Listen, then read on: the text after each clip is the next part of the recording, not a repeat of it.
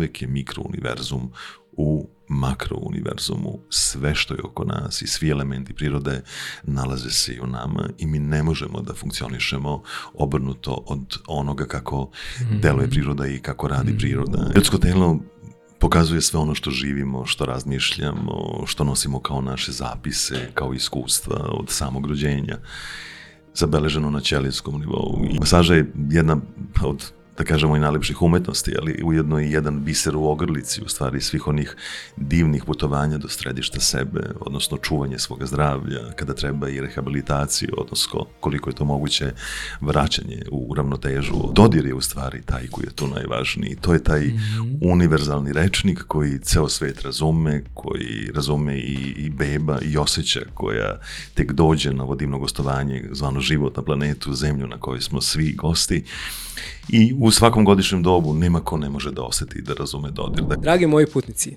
dobro mi došli u jednu epizodu Kosmičkih putnika. Kao i uvek ode vaš domaćin Damijan. Pre nego što počnemo, želeo bih da vam predstavim mog današnjeg gosta. On se zove Predrag Filipović. Profesor Predrag Filipović je diplomirani fizioterapeut, instruktor joge i istinski pionir u svetu wellnessa i masaže na našim prostorima. On je pre svega zaljubljenik u život, tragalac za istinom i suštinom, čovek koji svoje srce nosi na dlanu i širi dobrotu i plemenitost kuda god da prolazi – Ali pored zvaničnih titula, Predraga znatno bolje oslikava nezvanična titula koju aktivno i iznova dobija pre svega od svojih klijenata, a i učenika, a to je titula isceljitelja. Već preko tri decenije Predrag kroz masaže aktivno leči i pomaže svima nama da vodimo zdraviji, potpuniji i smisleniji život. Tokom svoje karijere u svetu masaže obučio preko 30.000 učenika i služio, kako sam voli da kaže, kao svetionik koji je osvetlio put mnogima koji su odlučili da zakorače u svet masaže i wellnessa. Njegov apetit za znanje ga je poveo na put oko sveta, gde se kao gostujući predavač masaže, ali kao i učenik, upoznao sa neverovatnim ljudima i tehnikama koje je integrisao u sobstveni rad. Na osnovu stečenog iskustva kreirao je i svoje originalne koncepte masaže, kao što su art masaža, gde je objedinio masažu sa poezijom, klasičnom muzikom i umetnošću pokreta za oslobađanje tela od napetosti i stresa do harmonije duše, uma i tela. Već je takođe kreirao i selfness koncept koje je nazvao gnoti seoton, odnosno spoznaj samoga sebe, i time pokazao da za njega masaža predstavlja daleko više od pukog fizičkog tretiranja našeg tela. Ona predstavlja put koji vodi u samo središte našeg bića. U ovoj epizodi Peđa je sve nas poveo na putovanje kroz njegov vrlo dinamičan i zanimljiv život traganja za višim smislom, a tematika današnje epizode je posvećena upravo tome kako masaža može da nas dovede do dublje i potpunije samospoznaje. Ukoliko vam se dopada sadržaj kosmičkih putnika, postoje tri načina putem kojih možete da podržite nezavisnu produkciju i viziju ovog kanala. Prvi i definitivno najbolji način putem kog možete da nas podržite jeste da zapratite ovaj kanal, odnosno da se subscribe-ujete i da podelite ovu epizodu dalje. Drugi način jeste jednokratna donacija putem PayPal-a i treći način jeste da me zapratite putem platforme koja se zove Patreon. Linkovi za sve ovo stoje u opisu ispod ovog videa.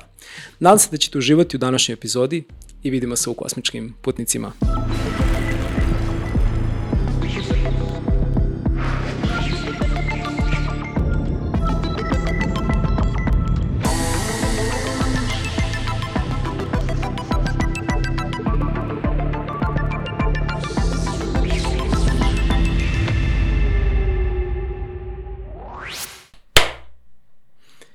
inveja. Dobrodošao mi u Kosmičke putnike. Bolje te našao i hvala ti na pozivu. Nema na čemu, mnogo mi je drago što sam uspio da te ulovim pre nego što se otiseneš na svoje putešestvija. Veoma si cenjen i tražen kao i lokalni, ali kao i internacionalni grandmaster iz sveta wellnessa i masaža. Hvala. A, ako se ne varam, trebaš uskoro da kreneš na, možemo da kažemo, jednu vrstu wellness ture po Balkanu, je li tako? Jeste. Da. Evo, ja sam se onako spremio, koferi su u automobilu, moja duša puna lepota koje želim da razmenim i, i ovaj, baš baš po Balkanu, da u narednih pa jedno mesec dana sam van Beograda, dolazim samo na svoja predavanja na akademiju vikendom i onda mhm. nastavljam ponovo. Šta je plan? Gde ćeš da ideš?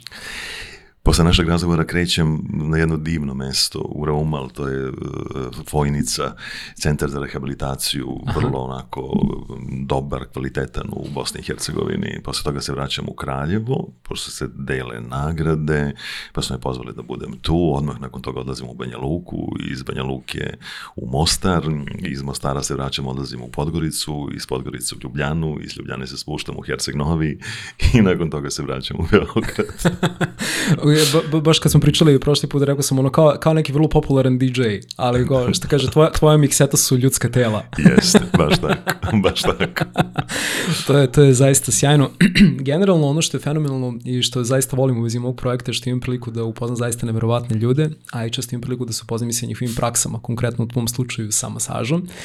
I iskreno morati priznam da mislim da i dalje osjećam efekte masaže kroz koje sam prošao kada sam bio u tvom wellness centru u Karadjordjevoj ulici prošlog petka. Hvala. I zaista mi je drago što ćemo tematiku naše današnje razmene posvetiti temi masaža, ali i načinu put na kojih masaža može da nas dovede do te jedne dublje i potpunije samospoznaje. I u tom smislu bih odmah prešao na stvar. I pitao mm. bih te na koji način misliš da masaža može da nas dovede do samospoznaje i kako ti generalno uopšte doživljavaš taj pojam? Ljudsko telo pokazuje sve ono što živimo, što razmišljamo, što nosimo kao naše zapise, kao iskustva od samog rođenja zabeleženo na ćelijskom nivou i ne postoji ništa ono što mi dišemo i što nas negde i uzvisi, odnosno što nam da krila da poletimo i da krenemo u stvarenje svojih snova, kao i ono što nas negde malo zaustavi ili što nam nekako ne daje prostora da raširimo krila koliko bismo mogli, a da naostavlja svoj zapis na ljudskom telu, ali zaista u svakom smislu.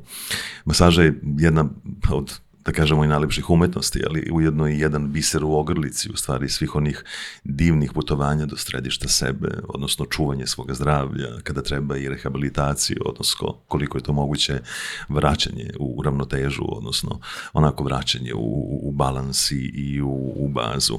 Dodir je u stvari taj koji je tu najvažniji. To je taj mm -hmm. univerzalni rečnik koji ceo svet razume, koji razume i, i beba i osjeća koja tek dođe na vodivnog gostovanje zvano život na planetu, zemlju na kojoj smo svi gosti.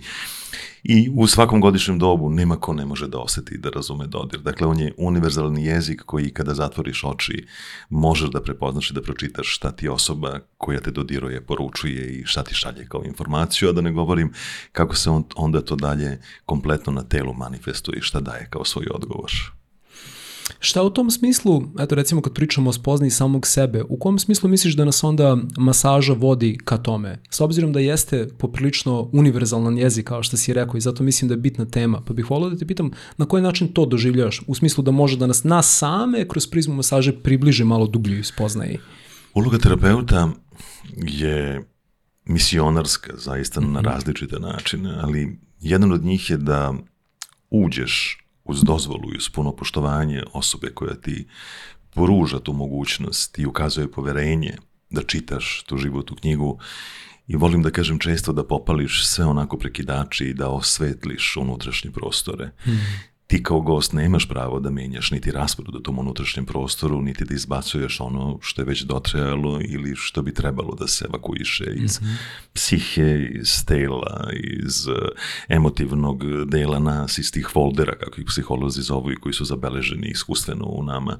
Ti jednostavno upališ sve te prekidače da osvetliš prostore, a onda osoba koji to činiš lagano pravi to veliko sređivanje, odnosno hmm. susreće se čak sa nekim zapisima koje je i zaboravio ili zaboravio da ih ima u sebi, ko zna iz kog perioda života.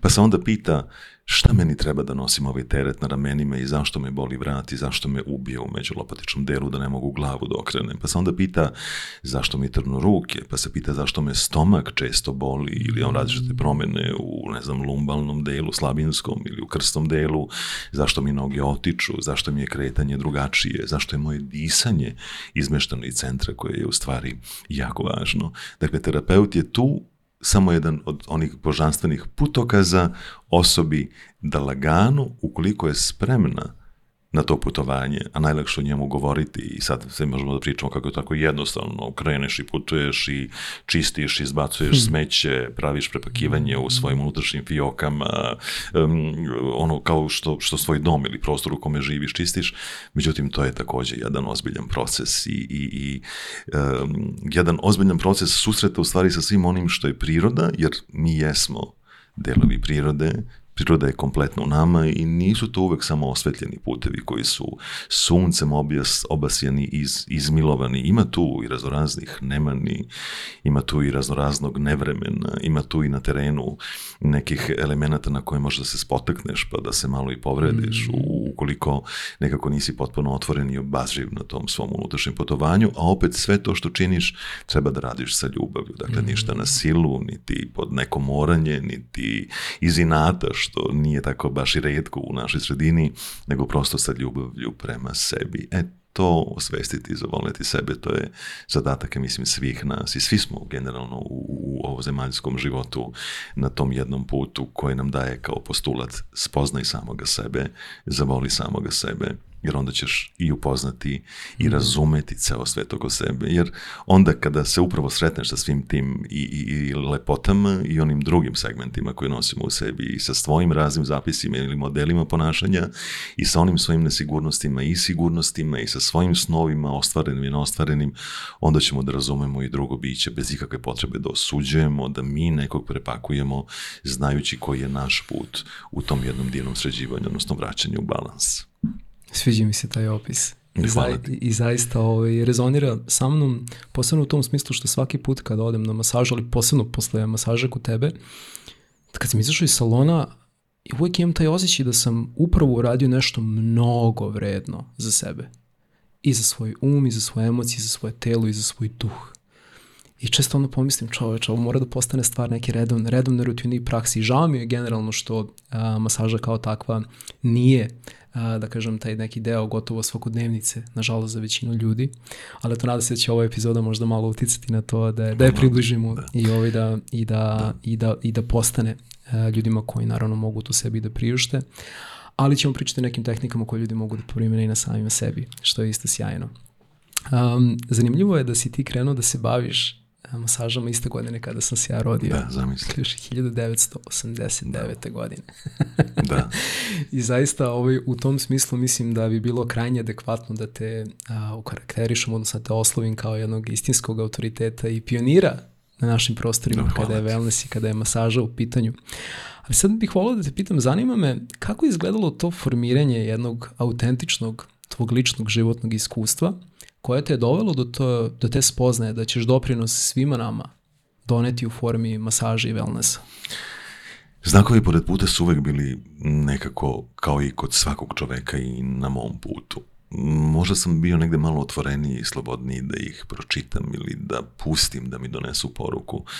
Studirao sam na višoj terapeutskoj školi u Beogradu, bio odličan student, bio velika nada mojih profesora da ću napraviti neke izmene i pomake u kineziologiji i kineziterapiji koji su jako zahtevni, koji traže izuzetno mnogo znanja, za koje su smatrali da taj postament imam dok sam studirao. Međutim, mene je izuzetno zanimala, odnosno počela da zanima masaža, zato što je to bio jedan deo u, u fizikalnoj terapiji koji se zvao mehanoterapija i, i sastavni deo je prosto cele te, te, te, te linije i uvek se nekako ona uh, definisala kao uh, rad na telu, primjena masažnih vatova koja dovodi do niza različitih uh, procesa u telu i promjena u termoregulaciji i tako dalje i tako dalje i meni je uvek tu falila ona priča duše šta se dešava u stvari sa dušom, da li ja samo radim na opuštanju bicepsa, tricepsa, deltoidusa, nervusa i šijadikusa, peroneusa ili tako dalje i naravno važno je da znam anatomsko-fiziološke postavke tela, ali šta se dešava sa onim što sam malo pre spomenuo, da je svaki čovek ispisana knjiga života i da sve što živimo su stvari na telu i manifestuje i da masaža e, pre nego što krenem da masiram biceps i da masiram šaku ili stopalo, da se zapitam u stvari za zašto je taj grč prisutan, zašto je zatvoreno telo energetske da mi ne dopušta da, da krenem i da ga nekako usmeravam kako da se polako vrati i u svoje stanje ravnoteže. I onda je prosto krenula ta jedna moje sanjaranje, moje istraživanje, moje Mm, iskustvo to početno koje se kasnije nadograđivalo sa mnogo učenja, sa mnogo razmene iskustava sa drugim kolegama, sa povezivanjem nekih različitih segmenata za koje sam uvek smatrao da su kompatibilni sa terapeutskim znanjima, od učenja joge, preko glume čak koju sam diplomirao i završio na akademiji, koja mi je tu dosta pomogla u aspektu psihologije ličnosti, da bih kasnije odlazio na psiho, telesnu psihoterapiju, studije kod doktorke Ljeljane Klisić, eh, da bih završao pravo aichi tehnike kod e, čuvenog Japanca Kona, da, da prosto nekako tražio sam e, izvore koji su još mogli da mi budu putokazi i da mi budu smernice da ono što radim nije kako mali perica zamišlja mm -hmm. da mhm. funkcioniše čovek, nego da i to što jeste kreativnost i što jeste umetnost, da stvari bude na postamentu znanja koje posle ti svojom energijom, svojim angažmanom, svojom verom u to što činiš u stvari bojiš i donosiš je svetu i nekako daješ input nenametljivo drugim ljudima kroz edukacije koje eto 34 godine traju e, i, i zaista izuzetno mnogo divnih ljudi koji dođu da se upuste u to putovanje zvano masaža koje tako jednostavno zove se masaža a u stvari to bude jedno jedno putešestvije koje menja ljudima živote oni koji uđu u masažu i koji skroz uđu u masažu od tog nekog prvog često, tako bude um, inputa da, da je to e, posao koji će da donese novac, da će da rade, da zarade pare, da odlaze na brodove, u stvari dođe do toga da otkriju lepotu u sebi koju daruju svetu, da otkriju ljubav, jer masaža zaista i jeste ljubav, prvo prema sebi, a onda i prema drugom biću. Treba mnogo voleti čoveka, zaista i posvetiti se čoveku, ali onako holistički skroz, sa, sa, sa, kao, kao jednom divnom tom konglomeratu lepote, da bismo mogli ovo što pričamo o masaži kao putovanju, masaži kao umetnosti, masaži kao leku, a ne samo masaži kao industriji i primjeni šest masažnih vatova i korišćenju preparata, aparata i ostalog što ide u cilju održavanja lepote koja naravno da ima svoje značajno mesto, ali nije jedino važna i nije e, glavni postulat same masaže. Da, i na osnovu ovog što si rekao, a i na osnovu našeg prvog razgovora, deluje mi da si na jedan onako vrlo efikasan i lep način uspeo da objediniš to praktično telesno znanje koje nam dolazi iz zapadnog pristupa sa van telesnim koje dolazi iz istočnog pristupa.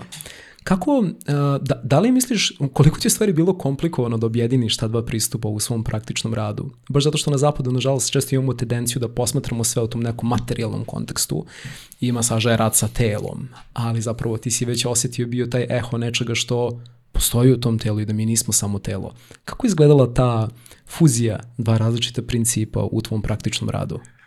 Ona je od uvek bila prisutna, mm. samo je nisam nazivao tim imenima. Mm. I u to doba 89. pa 90. godina na našim prostorima je jasno postala razlika zapadnjačkih pristupa i istočnjačkih pristupa i nekako mi je ta, ta veštačka podela uvek smetala i nije bila deo mog habitusa mhm. jer sam smatrao da, kao što kaže mi Kantić, ne postoje granice jer ono čega nismo svesni nije nepostojanje nego postojanje bez nas. Ja sam hteo da budem svestan toga i da, da, da, da sve dam od sebe da ta granica zaista ne ne postoji i, i hvala Bogu da sam uspeo, pa sam onda učivši i krenuši u istraživanje kompletno istočenčkih pristupa, eh, napravio tu jednu divnu sinergiju koja je vrlo značajna za rad terapeuta i osobe koje jeste u masaži, u wellnessu ili već u drugim tehnikama koje se bave e, čovekom na onaj najsubtilniji, na najlepši način, u stvari to bude postament kompletno e, rada.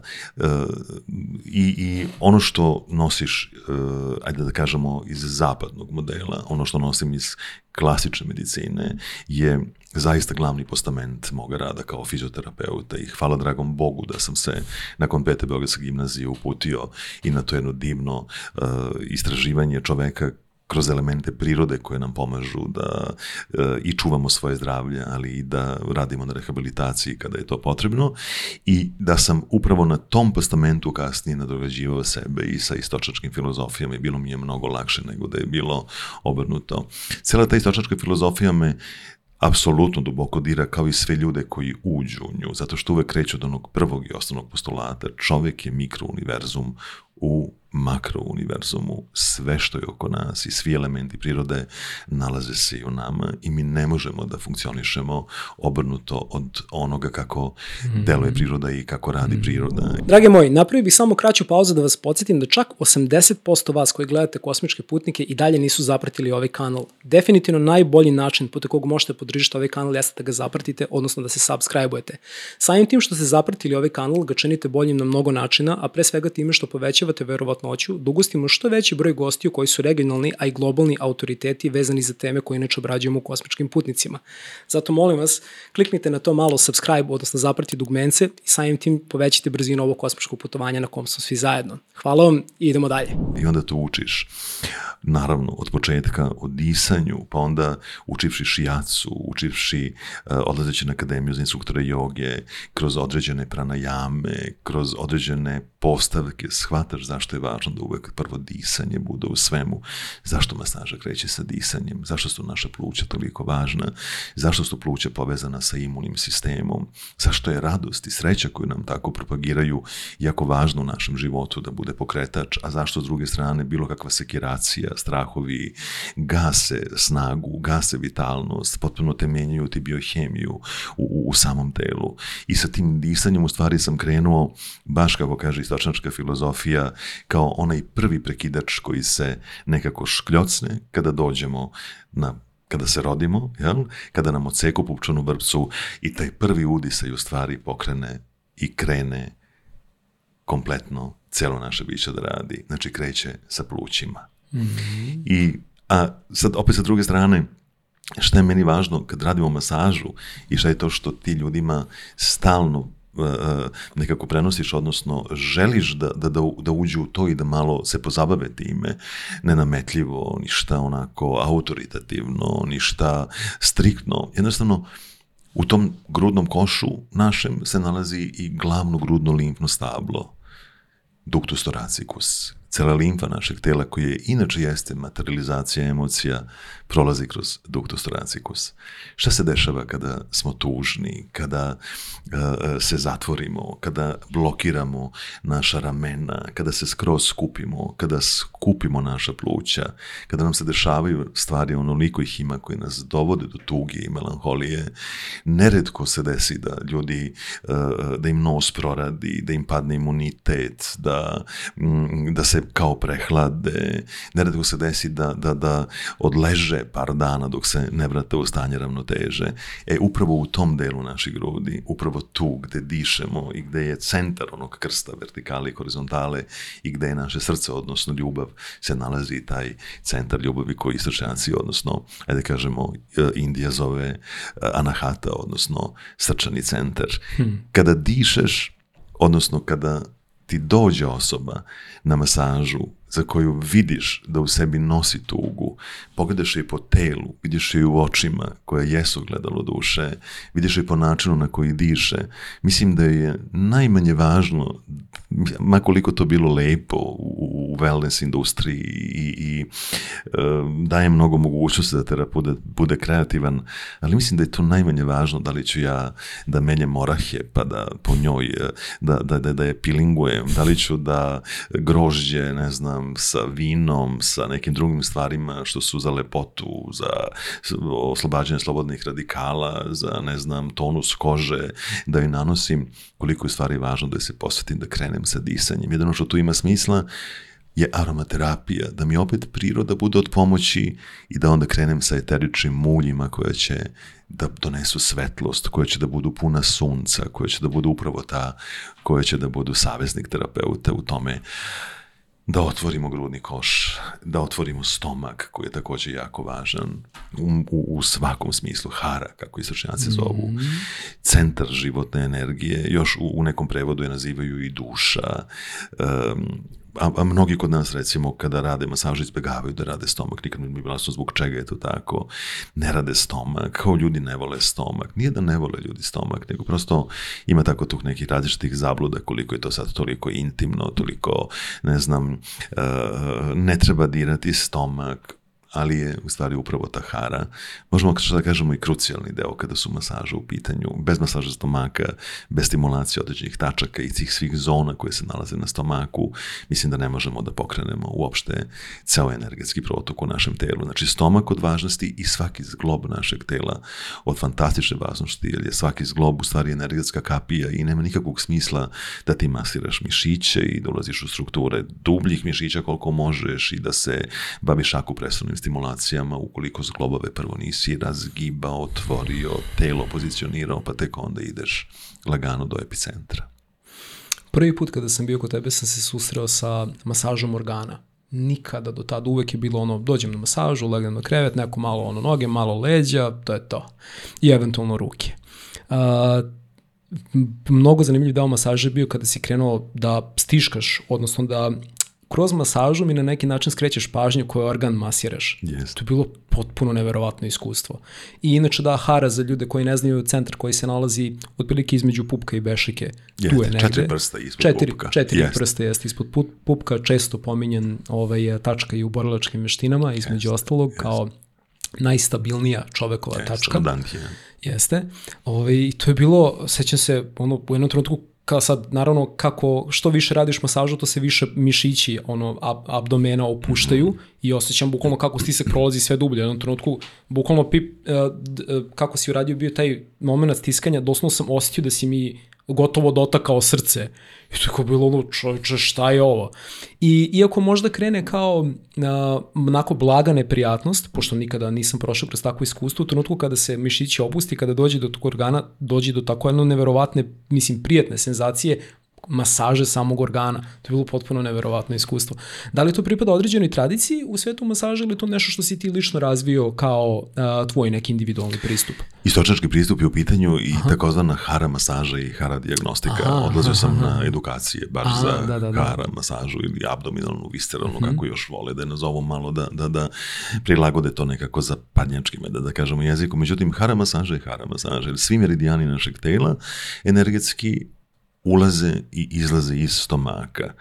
I baš malo pre kad smo spomenuli da e, dantijen tačku, u stvari ona je centar težišta tela i mi smo u kineziologiji učili da je ona centar težišta tela i mnogo je važno da tu budemo dobro centrirani uh mhm. -huh. na granici L5S, znači gde se završava slabinski deo i gde počinje krsna kost, pa u tom segmentu je u stvari centar težišta našeg tela, odnosno hara dubinski, duša.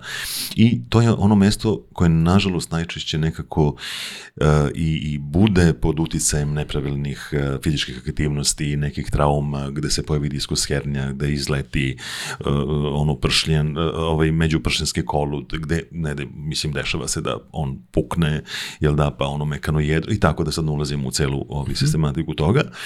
Međutim, Eh, Hara je fantazija jedna zato što ti tačno imaš Eh, jasnu mapu gde se na stomaku nalazi zona kog organa. I, i onda kad se te pritisnu ispod grudne kosti, to mm jeste bila zona srca. Mm -hmm. Namerno sam ti govorio da bi i ti znao šta radim. Da, da, da, da i to nekako... je mnogo baš je bilo moćno. Tako da, je. Da, da. I da bi se ti povezao sa, sa, sa prostorstvom. Važno, jako je važno povezivanje. Mm -hmm. To je mhm. moglo da bude danga, danga, danga, danga i kao šta smo radili, nešto smo pritisnuli. Ne.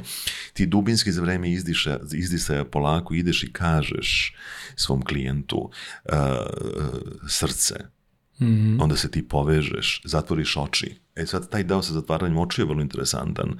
Ti kad zatvoriš oči, ti onda ideš u introspekciju. Onda nema spoljašnjeg sveta, onda nema ove divote od, od e, bilja koje je tu, od, od e, divnih ljudi koje vidiš, od ne znam raznih oblika, ukrasa, bilo čega. Ti onda lagano ulaziš potpuno introspektivno u svoje unutrašnje prostore i povezuješ se bukvalno preko tog dodira koji osjećaš sa strane terapeuta, a prilagođen je tebi isključivo individualno i uvek samo individualno. Nikad to nije 3 kila, 5 kila, 7 kila, pa na vagu učiš, pa svakog na isti način sa 5 kila stimulišeš. Ti se onda povezuješ sa svojim organima, ali se isto tako povezuješ i sa emocijama. I onda kada znaš upravo tu vezu, kako emocije deluju na koji organ, ti se onda lagano u stvari ono susrećeš, to je ono putovanje do središta sebe mm i do mm. svoje suštine sa m, mm, stanjima, sa emocijama koje su kozne iz kog perioda života ostale kao takve pothranjene. Onda se sretneš sa srcem, pa ispod se sretneš sa srčanom maramicom iznad pupka pa se sa leve strane sretneš prvo sa želucem, pa ispod njega ide onaj trostruki grejač trostruki igrač je jedna vrlo interesantna forma kada su meridijani energetski u pitanju. To je kao trožilni kabel energetski koji u stvari povezuje zemlju, što je donja partija stomaka, sa nebom, što je grudni koš i dijafragma koji je čovek. Hm. To je ono jedinstvo duhovno, uh, mentalno, fizičko, u svom trojstvu da bude izbalansirano. Inače, jako važno za fascije našeg tela, za mišića motače koji jesu duše svakog mišića po svojoj strukturi. Ima naravno svoje vrlo značajno mesto i za rad mozga, a znamo šta sve iz našeg mozga može da krene i šta može sve da pokrenu u svakom smislu u nama, jel da, i da, da, da inicira.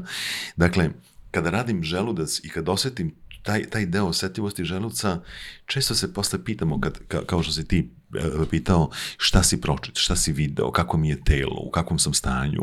Svetim se sa, sa, sa želucem koji je osetljiv. Istočnjaci to zovu džicu i kjo. Znači, na mestima gde imaš da je e, energija takva, da je napeto, da je kao sindrom ekspres lonca, da je u, u, u, u nekom osjećaju da će da eksplodira, da toliko energije ima, jel? onda oni to zovu džicu. Tamo gde nedostaje energija, gde je mlohavo, gde je hladno, gde fali cirkulacija, gde fali te force, onda oni to nazivaju kyo. Kada dođem do toga da je džicu prisutan, ta napetost u želucu, uvek se pitam šta je to što te izbacuje iz ravnoteže, odnosno što te čini nervoznim. Zašto? Da li si nervozan? Zbog čega si nervozan? Mm -hmm. E sad, kad mi krenemo da razmišljamo o želucu, obično misliš da li sam jeo i dobro iskombinovao hleb sa mesom, pa ujedno koristio i mlečne proteine, stavio sir, pa pojio i pomfrit, pa mi je to palo teško na želudac, pa ga zalio ne znam, nekim gaziranim napitkom. I jeste važno sve to što mi unesemo kao hranu za naše motore, kroz one nutritivne vrednosti i sve one divne delicije i, i to uživanje i u hedonizmu i u svemu tome, kroz ono kako mi zovemo gustativno. Ali šta da radim sa onim što moj želudac primi od mog oka? Mm -hmm koliko puta u životu čovek nešto vidi pa kaže okrenu mu se želudac kad sam video ono. Mm -hmm. Koliko puta ti čuješ mm -hmm. i šta mhm. sve mi to čujemo pa kao zvuk ili kao informacija putem našeg uha auditivno dođe do nas pa ti se žalu da žaludac uveže u čvor od onog što čuješ kao informaciju. Šta je od onoga kad te neko dodirne i koji je to kvalitet dodira ili šta je to na tebi što preko tvoje kože dođe kao informacija do da želuca pa tu napravi disbalans, što je takođe hrana za naš želudac. Šta je to ono što osjećam kao miris? Jer miris je prva impresija koju uh, nekako doživiš i ne oko, pa sad lepo je, naravno da ima značajno mesto kad ti vidiš i, i registruješ da je nešto lepo, pa po kriterijima tvojim ili univerzalnim pitanje, jel? Ali prvo je miris. Ako ti miris ne prija nečiji, ti ćeš testo uspostaviti komunikaciju ukoliko ti smeta za, za taj tvoj olfaktorni deo. Sve to naš želudac apsorbuje.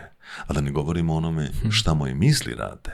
Koliko ja sa svojim misalnim procesima isto tako sam sebe okrenem u čvor i napravim jedno rasulo. A želudac u istočničkoj filozofiji je mnogo važan energetski, jer celo telo u stvari pokriva u energetskom smislu kroz meridijane, pa čak postoji taj čuvena tačka, zove Zusan Li ili tačka hiljadu bolesti ili je zovu stomak 36, koja se nalazi na potkolenici, ispod kolena četiri prsta, pa neka tri cuna, pa između golenice i, i tibije i, i fibule, jel, lišnačne golenice, tačno na mestu gde se one gore spajaju, to je tačka koji istočnjaci na meridijanu želuca pritiskaju, e, akupresuru rade, zagrevaju mok boksom, tapkaju, glancaju i slično.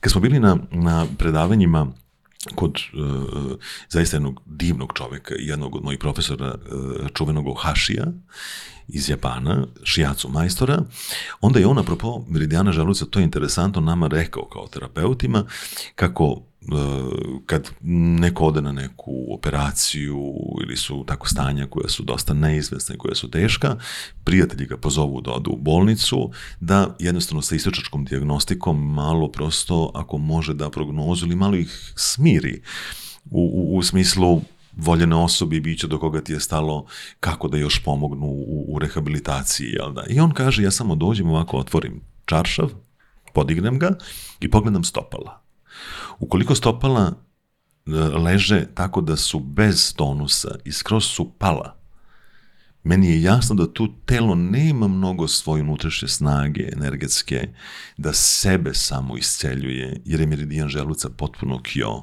i on je skroz, ajde da kažemo, ispražnjen. Mm. I teško ukoliko se mnogo ne pristupi, mnogo ne odradi, jer je u procesu rehabilitacije mnogo više energije treba nego ukoliko ta stopala imaju svoj tonus, normalno stoje, ili redko su ona baš podignuta prema gore, prsti prema, prema, prema stomaku, kada u stvari govori o velikom tom, malo pre sam spomenutom, džicu. E, to se važi ukoliko osoba nije baletski igrač, jer kod baletskih igrača prirodno stopala stoje u toj plantarnoj fleksiji, odnosno upravo tako kao da stoje na prstima stalno i tu čovjek mora da bude oba razriv prosto po, po, po tom delu. Hoću kažem koliko, je, koliko nam je važan želudac kao organ. A koliko se mi bavimo u stvari želucem. Koliko zaista svesno vodimo računa o tome i kontinuirano koliko vodimo računa o tome, a ne samo ponekad kad se izmestimo teže da koliko god više možemo budemo okupani lepim, kreativnim, mm. svetlim. Naravno da život nije samo to, ali da i onim trenucima kada radimo na davanju tog inputa sebi i u smislu kako god da to nazovemo, kako god, da li je to samo isceljenje, da li je to harmonija, balansiranje, eh, vraćanje u stanje ravnoteže, u stvari se kupamo sa, sa, sa lepotom, sa dobrim informacijama, sa, sa lepim bojama, sa dobrim zvucima, sa, sa eh, lepim dodirima, sa mm -hmm. lepim izgovorenim, sa onim možda što treba da promenimo, a što ne mora baš grubo da se kaže. Uvek čovek može da kaže i da da sugestiju, bez da nekog uvredi, bez da ga pogodi u srce ili da mu, da mu počupa uh, onu, onu, onu ranu tkanju koju ko zna iz kog perioda nosi. Tu prosto možemo i treba da vodimo računa. E onda, uh, kad sam ti radio sa, sa desne strane, ispod rebarnog luka prvo osetim žučnu kesicu, pa onda odmah ispod osetim jetru E sad, šta mi je tu interesantno? Mi svi znamo koliko jetra ima to svoje značajno mesto kao centralna laboratorija našeg tela, je li tako, žučna kesica u metabolizmu, sve je to nama poznato kada posmatramo sa anatomsko-fiziološke strane, biohemije, tela i svega toga. Međutim, kad sad malo istog ubaci tu svoje prste, onda dođemo opet do te veze emocije, stanja, ljutnje, agresije koja je direktno povezana sa jetrom. Ko zna iz kog perioda i, i, i gde smo mi podhranili bes i ljutnju u nama, pa ona stalno onako čvaka jetricu i stalno je smeta da ona normalno funkcioniše. Hmm. Možda je čini i masnom i premasnom, mi to ne znamo. I ne kaže se, džaba čak i u našem narodu, ideš mi na jetru, poješćeš mi jetru koliko me nerviraš, koliko me izluđuješ. A glej sa čuda, ovaj, i ta, ta naša divna jetra i žučna kesica su nekako najvažnije za funkcionisanje našeg lokomotornog aparata, za mišiće, za zglobove, za ligamente, tetive i onda kad dođemo do toga da imamo skraćenja u ligamentima, kad imamo skraćenja u mišićnom uh, uh, radu, u zglobnom radu, u amplitudi pokreta, uvek se pitamo onda šta je sa jetrom i šta se desilo u samom tom delu. A sad s obzirom na to da recimo i cela ta istočnačka filozofija ima i svoje vreme kada svaki od meridijana vodi kolo. Kao sad igramo nas 12 kolo i na dva sata se menja kolovođa. Ta naša žučna kesica i jetra rade žučna kesa od 11 do 1 noću, a jetra od 1 do 3 ujutru. I koliko je u stvari važno i ne slučajno kad nam poručuju lezi na vreme, lezi pre 11, mm. jer upravo tada ide ta centralna laboratorija i to maksimalno opuštanje našeg tela i čišćenje našeg tela da bi posle 3 krenula pluća od 3 do 5 oni vode prosto kolo. Onda kad se spuštamo na pupak, pupak je mnogo interesantan u, toj, u, tom, u hara pristupu, pupak je slezina i pankras. Ali, koliko god da znamo da je slezina važna za cirkulaciju, mi sad tu u psihološkom nekom i, i, i, i ajde da kažemo među ljudskom e, ono kao odnosu, često kada dođemo do osetljivosti na pupku, se pitamo da li postoji neki od konflikata u porodici, između roditelja i dece nije bez veze pupčana vrpca i ostalo. Gdje ti kod hmm. osjetljivosti samog pupka kod osobe koju radiš masažu pa se baviš hara stimulacijom, možeš da dođeš i do odgovora otkud taj grč u samom pupku. Zašto je on tu prisutan? Šta se dešava u, u, u porodičnim odnosima? Gde negde treba da kažemo izvini? Gde smo zaborili da kažemo hvala? Gde smo zaborili da se zagrlimo, da se poslušamo, da se, da se razumemo, da budemo podrška jedni drugima, vetar u jedra, da oprostimo jedni drugima? I, i to, to mi se ne dešava tako redko da osetim tu osetljivost u tom delu slezini, to me ponekad malo i rastuži iskreno. Pa onda sa strane, ceo taj bočni deo su recimo pluća, i tačno zone pluća, gde ti sa stimulacijom daješ input da se duboko udahne, pa onda daš klijentu, zadrži malo vazduh, zadrži ga, oseti tu napetost u sebi koju, pa i sad izdisaj da bude duži od tog udisaja, zato što upravo sa tim izdisajem, koji nije samo udahnem, izdahnem, nego Oseti dok udahneš kao da skupaš svaku svoju ćeliju, da čistiš svaku ćeliju. Oseti dok izdišeš kako umivaš svoje unutrašnje biće i kako i sebi izbacuješ upravo e, e očišćeno, očišćeno e, e, svoje telo, svoj habitus i tuga koju sam malo pre spomenuo, naravno, sa plućima. I jasno je kad gledaš ti osobu koja je tužna, ona se skupi, ona se sva zatvori, nje se stomak zatvori, diafragma se spusti na dole.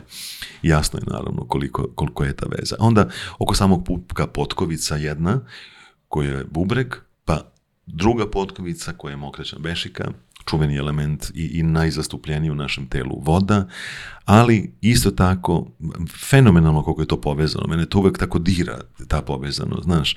Um, opet je to negde u projekciji hare, životne energije. A strah je u stvari najveća opasnost za naše bubrege. I strah direktno utiče na bubrege. Kažu istočnjaci da vitalnost našeg bića dugovečnost zavisi prvenstveno od zdravlja bubrega. Hmm. I da sve potentnosti koje imamo ili one druge koje nam smetaju nastaju kao posljedica energetskog protoka i energetskog balansa i raznih stagnacija u bubrezima. Bubreg, pa nadlužna železda, pa mokračna bešika, zajedno su element vode. I strah je taj koji u stvari je najveća opasnost na naše bubrege on direktno radi i na našoj vitalnosti, na tom energetskom nivou i na dugovečnosti i vidiš da je tačno ta, ta hara zona baš oko pupka, baš je vezana za ceo taj segment koji smo malo pre spomenuli kod antijen centra težišta tela. I onda dole ide naravno tanko crevo, debelo crevo, sa svim svojim zapisima, sadržajima koje ili izbacujemo ili ih zadržavamo u sebi pa nam u životu smetaju. A i negde i Rajh, da su na Talesu psihoterapiji radili da postoje ona tri tipa oklopa, prosto kod svakog od nas koje nosimo, sad da li je to bol blokator, da li je to strah blokator ili je bez blokator, dakle ta tri, nikad taj prvi nije evidentan, uvek je on maskiran nekim drugim, pa treba doći do onog koji je primeran u stvari, svako od nas nosi ko zna iz kog perioda, ali najčešće to u stvari sve ono što jeste detinjstvo i što jesu prve impresije i zapisi najvažnije do sedme godine, pa onda naravno nadalje kao takve slagane. Hvala ti na ovom pojašnjenju što bi rekli, to je samo telo. Hvala tebi, da, rekli bi samo telo. Samo telo. Ajde bogati da, da, stomak, šta da, sad da, tu da, za da, nešto da, Samo telo, koliko je stvari sve povezano. No. Um, slušajući te kako sad pričaš o, o, o ljudskom telu, deluje mi da proces masaže bukvalno može da se uporedi sa otvaranjem knjige tog čoveka. I ti doslovno svojim, da kažem, rukama listaš stranice knjige njegovog života koje su zapisane u organima Jeste. i u telu. I to je neverovatno. Ali eto sad pričamo o tim nekim impulsima i o znakovima koje nam dolaze iz poljašnje sredine. Koji su najčešći znakovi da nam je masaža neophodna? Odnosno, kako možemo da prepoznamo da je pravi trenutak za nju? Za dodir, za masažu je uvek pravi trenutak. Moram da ti na, napomenem ono mhm. što je potpuno ispravno i što je u redu, da ima ljudi koji ne rade na priču masaže. Oni, put do, do njihove suštine nije putem dodira. I oni mhm. ne vole da ih neko dira, da ih neko masira, da ih neko gnječi, kako oni to kažu. Oni imaju drugačije, drugačija putovanja i iskustva do središta svoga bića, odnosno do harmonizacije svog psihičkog, duhovnog, mentalnog i tako dalje. I mislim da tu ne postoji kada je pravi trenutak. To, to je možda pravi trenutak da dodir bude zastupljen od rođenja, mm -hmm. da beba bude ta u stvari koja je, to je najlepše biće na planeti, najčišće energetsko biće sa, sa onim prvim kupanjem kada roditelj, ne, babica je naravno tu, terapeut da, da usmeri, da pokaže i slično, ali ti si taj koji svoju malu porodicu neguješ, čuvaš, masiraš svoje dete, razgovaraš sa detetom. Dok smo studirali dok sam studirao defektologiju, e, mi smo imali i e, neuropsihologiju i radili sa profesorom Bojaninom e, i tako dalje. I tada je on govorio koliko je u stvari snaga dodira važna i razmenjivanje i to, to, to pravljanje divne, divne povezanosti sa ostalim čulima važno kod, kod bebe. Gde ti kada masiraš bebu, naravno da je sve to veselo, da je to kroz igru, to traje desetak minuta, nemaš sad da beba sad i po vremena leži leži pa ti praviš, ne znam, uslove ovakve onakve. Posle, posle kupanja ti uzimaš to ulje pa se igraš sa bebom, pa, pa, pa dete komunicira s tobom, gledate, pa, pa gde su obraščići najslađi, gde je važno da si ti s rukčicama na obraščićima, gde su šake, ma gde je pala, gde zeka pije vodu, koliko stvari to povezivanje taktilnog sa auditivnim, sa vizuelnim uvek bilo jako važno da se povezuje od samog rođenja i ono što je takođe bilo jako važno je da i to što izgovaraš kroz auditivno, da ne bismo posle imali uh, problematiku da se vraćamo na, na, na početak, to mora da bude čisto izgovoreno. Kada nekom tepam i kada sam mio prema nekome, to ne znači da je moj jezik iskrivljen. Svak, svaki zvuk, svako slovo, svaka reč mora da bude jasna, neiskrivljena. Da ne bi posle bilo da ne znamo da kažemo slovo L, slovo R, slovo Dž, slovo Š. Dakle, S, s, opet je sve fantastično povezano po, po, po svojoj strukturi. Uh, ukoliko nismo dodirivani, što mi je nekako žao kada, kada je to tako, jer su statistike, odnosno istraživanja pokazala da deca koja uh, su imasirana, kod kojih se razvija ta taktilnost u detinstvu, pa se ona neguje kroz, kroz, kroz celo detinstvo. Ima mnogo ljudi koji recimo čija deca igraju folklor, igraju futbal, bave se sportovima, koji redovno imaju masažice malo, oni nauče, završe školu oni su bili studenti, završe školu da bi svoji deci pomogli da prosto lakše rastu, lakše odrastaju, imaju manje, mm, mm, e, ne znam, te neke nuspojave nakon ozbiljnih treninga, da se stvar mlečna kiselina ne zadržava, pa da im malo pomognu kroz vežbicu, pa malo masažice, da budu u dobroj formi i da nastave dalje. Svakako da ta, da ta e, negde istraživanja pokazuju i da kada je taj dodir prisutan u detinstvu i ta razmena lepe, lepe energije i te pripadnosti i tog, e, pa možemo da kažemo naravno i, i, i mm, podrške e, roditelja ili već staratelja ili, ili ko te neguje, jel? Da si kasnije u pubertetu, u drugačijoj komunikaciji sa, sa, sa svetom, da kada dođeš u partnerske odnose, drugačije si taktilan i drugačije si otvoren, drugačije si prijemčiv prosto i da primiš lepotu koju, koju, koju si darovo I, i plus ljudi koji žele da rade masažu, nekako uvek bude taj prvi input, setite se najlepšeg dodira iz života, najlepšeg dodira od bake, od mame, od tate, koji je ono bio dodir koji vas je prvo ušuškao, bio je ceo univerzum ljubavi koji ste osetili, beskrajan, uh, um, da, da, da, da, da ste se osjećali sigurno, prizovi njega i neka on teče kroz tvoje dlanove. Pusti njega, neka teče kroz tvoje, s njim radi klijenta. I ljudi koji stvarno se vrate, osveste, a to može svako od nas ako želi, i taj kvalitet dodira sa toliko univerzalne ljubavi donese, e, to je onda pravi jezik masaža. da, to zaista zvuči kao zdrav pristup.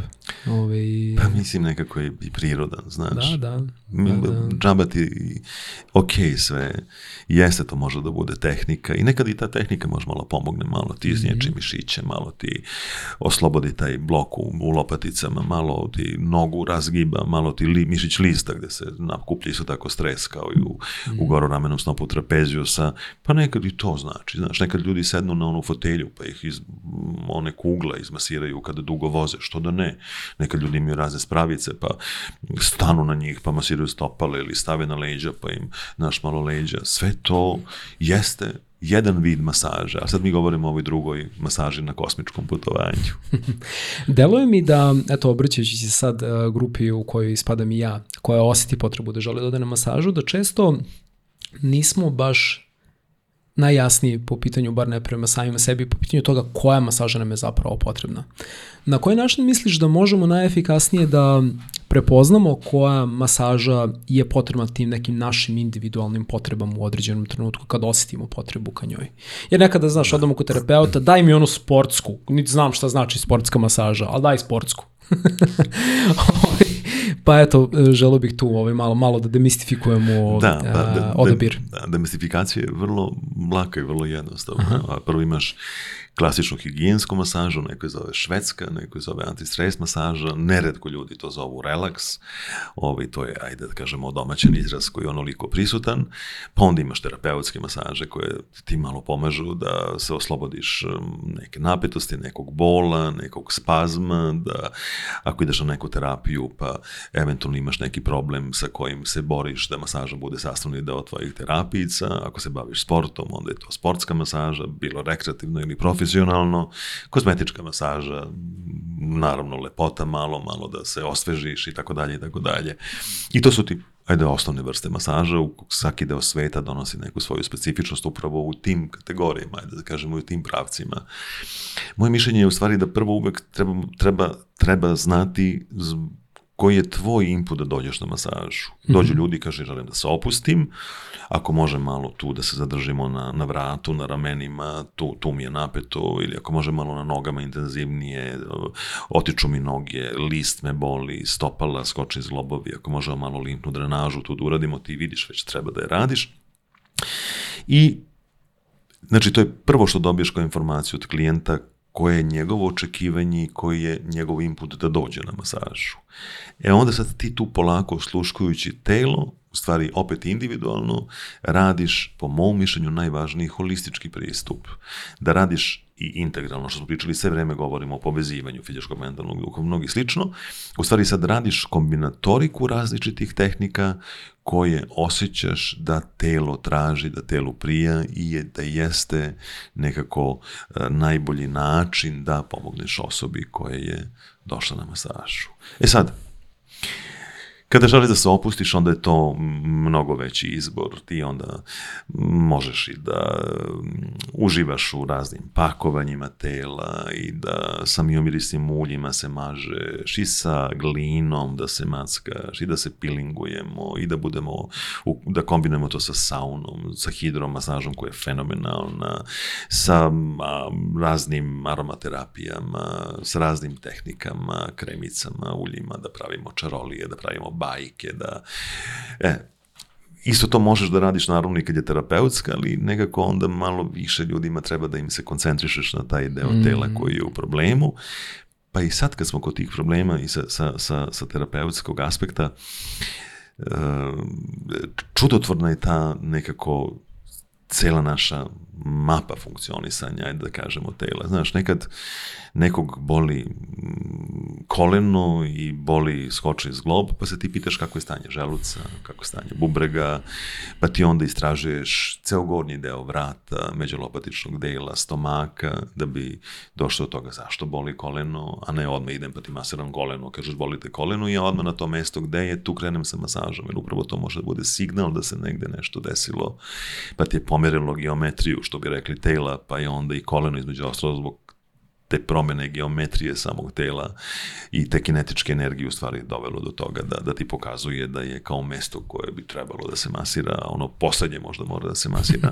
Pa da, kao što recimo da, da. pričali smo da kad si bio, znaš, dođu, dođu ljudi i kažu bole me ramena, boli me vrat i sad ja uvatim i krenu da ti masiram vrat, da ti masiram ramena, a zapostavim ti ceo dole slavinsko krsni deo a u stvari vrlo često upravo zbog tog spazma, nepravilnog sedenja, velikog opterećenja, fizičkih angažmana, u tom našem donjem delu leđa mi imamo projekciju bolno osetljivosti u vratnom i u ramenom delu, a zamisliti uopšte ne dodirnem slabinsko-krsni deo i da kažem, evo sad te boli, ja ti samo masiram vrat i ramena.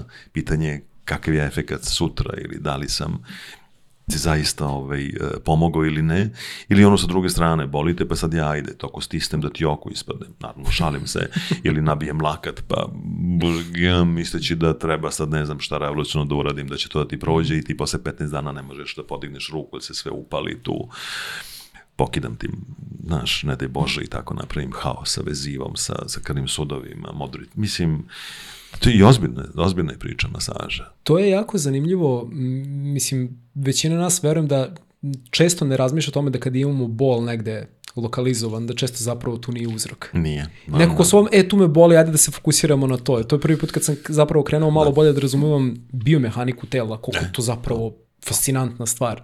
Da ono zbog pogrešnog načina hoda imam problem u vratu ili ne znam zbog povredu u kolenu imam bol u ramenu, koliko se to stvari prenosi. Tačno. Da gotovo kao vektori, neverovatno. Um, dotičeći se sad malo tvog ličnog rada i pristupa u svetu masaža, znači tokom tvog više decenijskog pristupa su kroz tvoje ruke doslovno prošle gotovo sve tehnike, već mogu da kažem, ove, bar, bar dosta njih, posebno ove koje su malo popularnije, a zapravo neke od njih si i sam kreirao. Recimo kada sam se informisao vezano za tvoj rad, prvi put sam čuo za nešto se zove art masaža I to mi je bilo jako zanimljivo. Nisam ni pretpostavljao da je postoje jedan takav pristup. Pa bih teto sad e, zamolio da i meni malo još detaljnije, a i moj publici koja prvi put čuje za art masažu, približiš šta u stvari znači ta masaža, po čemu je karakteristična. Mislim da je ona krenula da živi uh, e, uh, e, ono trenutka kada sam ja krenuo taj svoj izbor kome bi se uvek vratio i, i za koga sam mnogo puta dobio potvrdu da sam u pravoj priči od početka samog življenja masaže. Ali početkom 2006. godine uh, sam želeo da objedinim sad glumu koju sam završio, mm -hmm. ali tu da, da, da, da se vežem za poeziju, pa voljenog Miku Antića, pa posebno dragu pesmu Besmrtnu, koja mi je uh, baš onako bila veliki svetionik na putu u različitim delovima mog života, i to vrlo važnim segmentima, da povežem igru svetla, da ta svetla idu lagano kroz, kroz energetske centre, baš onako kako ona idu, pa je tu Jugoslovensko dramsko pozorište, Uh, priskočilo u pomoć, da, da sve to bude protkano klasičnom muzikom, pa je tu bio Mozart, Kartazar, Albinoni, uh, pa je tu bio i Secret Garden, fantastičan, ovaj, eh, sve se to odvijelo eh, na Budva gradu, teatru, E, i ceo performans se zvao Telo umetnosti živi kroz muziku. A e, možda negde da se pogleda to? Jel postoji neki video zapis e, Ima toga? video zapisa na YouTube-u. Posle toga je... Uh, Baš bih podelio, zato što je, ono, verujem da je zanimljivo. Da. Uh, Ars Corpus Vivendi in muzika. Posle toga se u Masleši u Resku 78 -hmm. uh, radila priča, ali tu nismo imali svetla, nismo mogli da se igramo. Nije bilo mogućnosti. Uh, I to je u stvari sad bilo povezivanje, to je sad ono, auditivno, kada ti slušaš, ja izgovaram deo da ono, i živi, sasvim živi, negricka je kao miž dane, široko žvaći vazduh, prestiži vetar i ptice, jer svaka večnost je kratka. A ti si na lopaticama. I zeleno svetlo te obasipa. Ti ga i ne vidiš, ali tvoja ćelija ga osjeća i dajem ti informaciju svojim rukama na lopaticama da raširiš krila, širim ti ruke, jer ti on kaže, poručuje Mika, živi, sasvim živi. Cela besmrtna pesma je zaista uh, e, fan, ma, to je mislim onako cela jedna filozofija života i jedna od najlepših pesama ikad napisanih na našem jeziku. Ceo jedan univerzum koji je, koji je tu, tu kosmičko putovanje tvoje, sve je to, to, to je jedno divno tkanje. I ti pokreti koji su u toj masaži, oni jesu umetnost, oni su kao balet na telu. Hmm. Da ti pustiš da tebe vodi taj zvuk, da tebe uh, taj, taj albinoni onako skroz skupa, da tebe taj mocr do svaku, u svaku ćelicu ulezi. Znaš, ima sad ono i kako, koji instrument deluje i tako dalje, i tako dalje. I tako je nastala, eto, art masaža onako iz srca kao jedan pravac. Ti si bio prvi koji je tako nešto Kod nas, radi. da, da. Ne, ne sećam se za svet da je to rađeno mm -hmm. iskreno, ali sam i komandićem i sa svima ovim što sam ti pričao da... Da, objedinio si zaista upravo to sad sve o čemu si pričao, da se vratimo na onu priču organa i probao to nekako da predstaviš. Sve, Da. Mm -hmm. I u tim pokretima i u tome što se radi. Znači da to nije bilo, znaš, puko moje ruke samo idu, pa ja e, i tako baletanišem se tu i tako bacam ruke i ne znam, nego je svaki pokret je on jeste išao iz srca, ali je bio pokriven da znam gde se nalazim, zašto sam na kuku, zašto na ramenu, zašto na stopalu, zašto na glavi. Znaš, sve je to mhm. prosto stvarno jedna poezija, lepota ali stvarno je nadimno lepo. Osvrćujući se i dalje još malo na tvoj rad, kada sam čitao tvoju autobiografiju, najšto sam na jedan deo koji mi je bio baš posebno interesantan, a i tekako je vezan za tematiku našeg današnjeg razgovora u odnosu na masažu kao jednom putu ka samospoznaji. Bio si u Apolonovom hramu u Delfima i vidio si urezanu kamenu čuvenu izreku gnoti i seoton, odnosno spoznaj samoga sebe. I kasnije si razvio i koncept, odnosno selfness koncept, mm -hmm. koji se baš zove upravo tako Gnoti Seoton. I htio sam da te pitam šta zapravo predstavlja taj koncept? Kako si ga formirao ovaj, i po čemu se razlikuje recimo od nekih možda drugih da. pravaca? To, to, to je ovaj, e, stvarno jedna jedna poslovno lepa priča u životu. Pa koji većina u stvari gotovo sve koje su vezane bile za masažu i um, boravak u Delfima je bio čaroban i taj susret sa onim kamenom koji je pupak sveta i ta priča o Zevsu i ona dva orla, istočnom i zapadnom, pa posle ta integracija istoka i zapada baš u, u pupku sveta i ta hm. poruka spoznaj samoga sebe i taj selfness koncept koji prevazilazi wellness koncept koji u stvari sad pored toga da si, da se osjećaš dobro, prevashodno te vodi do toga da se osjećaš prvo sa samim sobom dobro, pa onda sa, sa celim svetom oko sebe i e, vodi u stvari kroz upravo različite modele i različite tehnike koje ti pomažu da ti kontinuirano radiš na sebi i da kad odeš iz jednog wellness centra živiš taj wellness svaki dan, da ti bude negde uh, učitelj taj wellness i taj boravak u, u wellness centru, on je oživao i živi u Kraljevim Čardacima na Kopaoniku i, i evo već sedma godina uh, to je taj prvi selfness koncept kod nas u Srbiji. E sad, po čemu još nam specifičan? Po tome da smo svake godine mi odvajali osam dana uh mhm. -huh. i radili ceo taj tedan divan program Pozdrav životnoj energiji. Kada dolaze i kolege, znači dolaze ljudi koji žele još da nauče i da mm, implementiraju nova znanja u svoj rad, ali i dolaze ljudi koji veze nemaju za masažu. Znači u životu nikad im nije palo na pamet da će da, da masiraju druge, a kamoli sebe. I onda u tom selfness konceptu, s obzirom na to da je on putovanje do centra tvoga srca, mi ujutru krenemo oko 7 sati na onim divim proplancima, ona božanstvena priroda, onaj pogled koji pustiš pa on ide ko zna gde, pa kad zatvoriš oči ponovo pustiš pogled pa on ide ko zna gde unutra, krenemo sa iči tehnikama to, to je jedna posebna filozofija, stvarno, e, spomenuo sam malo pre John Kona. Priča i čije je jako zanimljivo i baš da. bih te zamolio da je podeliš ovom hoću, prilikom. Hoću sa da, da, da. zadovoljstvom. Da, Posle toga lagano krenemo kako sad mi to idemo kroz život, hodamo našim stopalima, prepoznajemo teren ili ne prepoznajemo, osjećamo da li je sigurno tlo ili nesigurno tlo, prepoznamo da je negde opasnost na putu, pa ili svesno uletiš pa polomiš nogu pa se rehabilituješ posle tri meseca ili zaobiđeš tu, tu, tu rupu pa malo je i saniraš da neko drugi se ne povredi, sad pričam metaforički, jel? Mm -hmm. I zato smo posle tih vežbi, a i čija divni krenuli sa um, refleksoterapijom stopala, sad je to opet ta posebna priča Indusi kažu da na našem telu postoji 7000, 7200 nadija, energetskih kanala, upravo na stopalima se završava 7000 i više nervnih završetaka, svi oni grupisani određene zone su i u stvari e, projekcija unutrašnjih organa, tako da ti preko masaže stopala, koje je direktno kontakt sa majkom zemljom, u stvari radiš na tome i da pomažeš sebi, harmonizaciji rada unutrašnjih organa, da olakšaš neku tegobicu koja je nastala upravo kao posledica uh, stresova, nespavanja, hiperaktivnosti, raznoraznih e, prinudnih položaja, jel?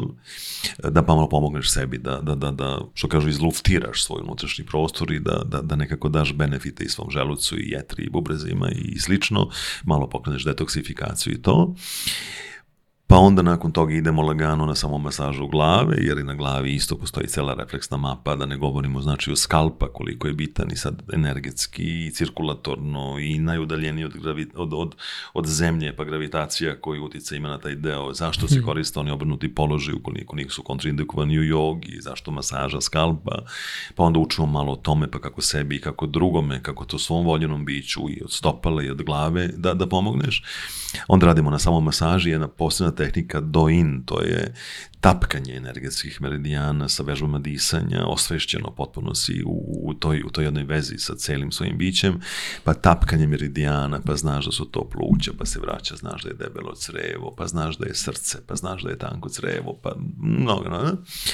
Pa onda radimo uh, u vodi određene tehnike koje je čarobna, koja te potpuno onako skroz čisti, koja te vraća u jednu, jednu, jednu lepotu i daje ti prostor u stvari da sebe čistiš, pa znaš kad sutra odeš na more ili na jezero, na bazen na kraju krajeva, šta pored samo plivanja i leškaranja u vodi možeš još da uradiš eh, i da pomogneš sebi i drugima, da, da eto, neguješ sebe ako ništa drugo, ono, psihofizički, i ovaj, emotivno. I um, tu smo takođe radili i određene vežbe iz jogi, asanu smo primenjivali to opet imaš sad ono malo, zatvoriš oči, apsolutno vežbe disanja stalno prisutne te čuvene pranajame, u stvari ono najosnovnije trostojno disanje, koje je najbitnije da se izbalonira stomak i da se spusti dijafragma i da se otvori ceo taj najveći deo baze naših pluća, koji je u stvari tu jako, jako važan, a mnogi ga zapostavljaju i sve ide iz sredine i gore iz, iz tog, eh, iz vrhova pluća, nažalost, u raznim situacijama. To za ljude koji prvi put čuju, samo malo da pojasnimo, znači to puno takozvano jogičko disanje kreće da. od pumpanja abdomena, pa Jeste. pa preko grudi i do, do ovog gornjih, gornjih dela pluća. Da, da. kao jeste. talas, bukvalno koji se diže. Tako je, kao talas i onda ga obrnuto prazniš. Jeste. Od ozgo ideš do da, da dole, da, dok da, da. skroz da. ne skupiš stomak, malte ne u skičmu i malo pomogneš sebi da se dijafragmica podigne. Tako da ta dijafragma automatski radi i masažu utrših organa, organa stomaka. Ta dijafragma koja se spušta, diže, radi limfodrenažu, ti pomaže. Ta dijafragma ti miluje u stvari sve unutrašnje organe, pa sad opet poveži sa onom psihologijom, jel da? Pa mhm. poveži sa misonim procesom Pa koliko puta smo mi čuli izbroj do deset, nemoj da sečeš, nemoj da reaguješ, koliko je mhm. disanje važno, udahni izbroj, udahni još jednom, pa se smiri malo, pa onda odreaguj. To je ono, mogu da ti kažem, ali postoji način na koji mogu da ti kažem da to ne bude dranje, da ne bude mm -hmm. vikanje, da ti mekano, mirno dam do znanja. E, da, prosto, mislim, sve upravo, to... Sve, upravo. Da, i sve to sa disanjem na kraju i te kako možeš i da, da smiriš i sebi, da smiriš drugu osobu. Da, pa disanje je zapravo forma masaže. Apsolutno. Mi masiramo naš naše organe disanjem Absolutno. zapravo. I Ili možemo da im narušimo Bravo. rad pogrešnim. Apsolutno. Da, da. Apsolutno disanje. Mm. I sve je sa ciljem u stvari otkrivanja sebe. Tu su i tibetanske posudice, zvukoterapija, tu je, znači, da onda i druženje, koje je sastavni deo života. Mi se onda družimo, pa popijemo čaj, popijemo i čašu vina, popijemo mi i pivce. to je onda muzikica koju voliš da slušaš, jel? uglavnom su to bile neke pop varijante i slično, onda to bude malo poezije. Onda to bude šetnje jednog divnog razgovora, toplog, ljudskog, e, lepog, do, do, do onog nekog razmenjivanja mišljenja o nekim situacijama, možda nekad i neki putokaz ako postoji neki problem iskustveno, kao jel, e, e, neka od rata koja nekom krene da otvori, da proba, da otvori. Sve je to selfness. Nije selfness samo tehnika koju terapeut radi. Selfness je ceo život. Mm. Sve. I wellness je ceo život. Wellness je podjednako tako i divna večera i, i divan razmena pogleda osobe koju osjećaš, koju voliš, sa kojom živiš, i zagrlja, i, i, i pevušenje, i najintimniji kontakt sa osobom s kojom živiš, koju voliš, kojom, s kojom dodiruješ one posljednje zvezde univerzuma kad se rasmukneš kao vatromet. Sve je to selfness. Nije samo uh, i wellness metode koje se rade, koje platiš pa ti neko drugi radi. Na kraju krajeva, masaža jeste jedna fantastična umetnost u kojoj ti legneš i pasivan si i ne sme na tome da se zadrži. Mm -hmm. Ona je taj biser jedan, a onda ti iz njega lagano ulaziš i počinješ sebe i s drugim stvarima, evo, spomenuli smo ih onoliko, da ih živiš svakodnevno, jel? A ne, na, to, to, to je bilo lepo. I volao bih ja da su mi čarobnjaci, ako ljudi kažu, jao anđeli, jao čarobnjaci, vile, e, kad osete energiju koju im daruješ, a ona je mnogo moćna, šta, kako si ruku spustio na nekog, šta si koju informaciju dono nekom, da budemo stvarno eto čarobnjaci, ti legneš i sve ti ja sredim, ništa ti ne moraš da radiš, uopšte da se susrećeš sa sobom, sa svojim problemima, sa svojim nesigurnostima, sa svojim kočnicama, samo pusti da te ja mašem i sve ti rešavam. Mislim, da to niti je prirodno, niti je realno da može se dogoditi. Mm -hmm. Da, i u tom smislu mi se jako dopada ta analogija masaže sa to je jedno formom mhm. putokaza.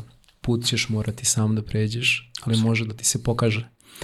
Absolut. I um, pomenuo si tibetans, uh, zvučnu terapiju tibetanskim posudama. To me je raspometilo. Kad smo da. u jednom trenutku ležim i samo osjećam kako stavljaš na mene te posude koja su pravljene ručno na Tibetu Jeste. od različitih metala. Posle si mi malo pričao o tome, a ovo, sad bih baš zamolio ovaj da podeliš to i sa mojom publikom i onda si uz oni mali, kako se zove, onaj čekić s kojim si e, lupkao, I palica, palica da, mala aha. jeste, kojim si lupkao u svaku od tih posuda. I to je bilo potpuno neverovatno iskustvo. Mm. Šta zapravo, pre, tad sam se zapravo prvi put i susreo sa zvučnom masažom, Uh, pa bih hteta sad ovom prilikom pitao da mi pojasni šta zapravo predstavlja na koji način zvučna masaža deluje na naše telo. Eto, sad uh, naveli smo te posude. Šta se tu zapravo dešava? Kako deluje kod velikog broja ljudi kada čuju crkvena zvona? Mm Ali oni čuju i osete naravno vibraciju. Ili možda tibetanska zvona u nekom hramu za ljude koji su tu to da je to njihovo prirodno prosto i, i, i ćelijsko odredište. Izuzetno moćna priča od samog tog nastajanja tibetanskih posuda, gde se koristi 7 ili 12 legura metala od srebra, bakra, zlata, meteorskog gvožđa, znamo da kažem grožđa, pirita, galenita, silici... Mislim, u zavisnosti od toga čega više ima od tih legura, koliko je debljina sudova, koliko je velika posuda, dobijamo one duboke zvukove, one koje su zemlja, koje su donje partije, do onih srednjih gde je onaj čudesni prazvuk om koji je onoliko prisutan. Kad smo kod om, razgovarajući sa ljudima koji jesu u tom, eh, na tom energetskom putu, to što, što neko izgovara kao om, pa čuje unutrašnju vibraciju tela, identično ima i amin koji izaziva unutrašnju vibraciju tela, znači ne mora da bude mhm. om, niti mora da bude vezano za, kako naši ljudi obično često imaju malu averziju sad, pusti me, da, što je nepotrebno stvarno, kad se demistifikuje to nepotrebno i naše amin isto pravi tu vibraciju tela i nije slučajno da je upravo kao takav i vezan za ta unutrašnja putovanja stabilnosti, molitve, ovde meditacija sa om, ovde molitva sa amin, dopamin koji te polako vraća, koji ti čeliju, vibriranje tvoje. E to što kad, kad ti imaš to mm, i tvoje telo, vodica polako vibrira, kada dišeš, e to isto radi tibetanska posuda koju ozvučiš, pa taj zvuk ako držiš iznad tela, imaš zvučnu kišu koja ide preko tela.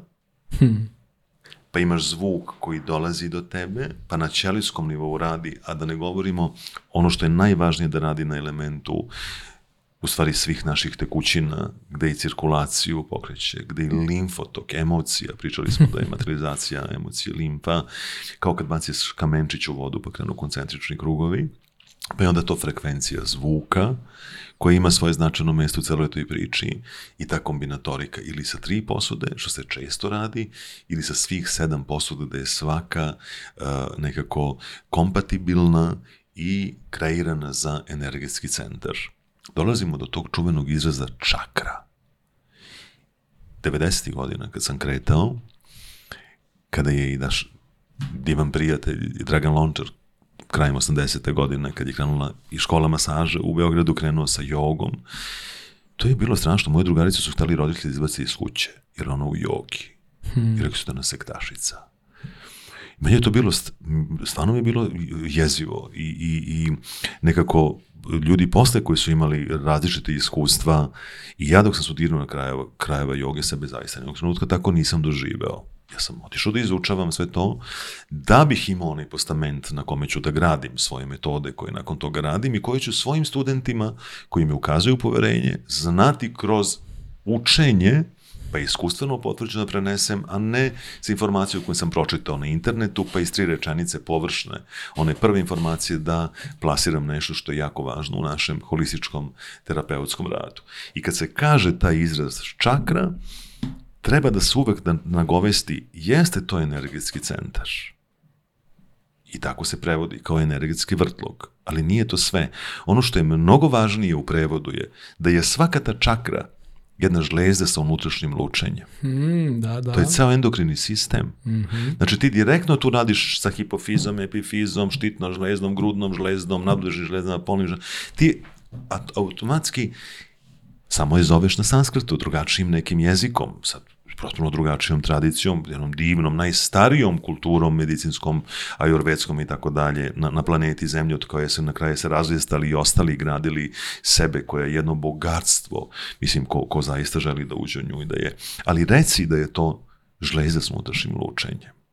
Pa će da te možda lakše tako demistifikovano prihvate ljudi mm -hmm. i da razumeju za razliku kada im kažeš Muladara, Svadistana, Manipura, Anahata, Višudi, Sahasrara, tu već imamo malu prijemu terminologije, otpor, jer ga ne poznajemo, ali ako ga kažem i na svom jeziku, ima prevod za svaki, svaku, pa ima, zna se koja je žleza za svaku, pa kažem, e, oni ga sad zovu tako i tako, a to znači to i to na sanskritu, onda je daleko lakše i prihvatiti i razumeti celu tu priču. E sad te tibetanske posude rade bukvalno na frekvenciji tih naših šleza sa unutrašnjim lučenjem koje jesu najvažnije u očuvanju našeg zdravlja. I od tog endokrinog sistema zaviju se stvari kompletno naše funkcionisanje. Jer jedno samo da se desi i da krene da, da, da, da, da, eh, sa svojim problemom i da krene u, u deficit rada, da krene sa stagnacijama, ona sa sobom buče sve ostalo. Na kraju, toliko danas imamo problema sa štitnom žlezdom, toliko hašimota ima, pa znamo šta štitna žlezda radi kompletno na nivou celog tela, šta radi nabubeža žlezda, šta radi hipofiza i jasno nam je koliko stvari važno da negujemo endokrini sistem.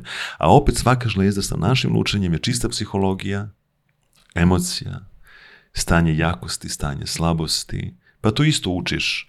Ako si isu više materijalan, ako si samo u materiji, ako si zapostavio emotivno i duhovno, da si koncentrisan na taj prvi, drugi energetski centar, use, nase, podase, lova, kola, izbor, svako ima pravo na svoj izbor, naravno svesni.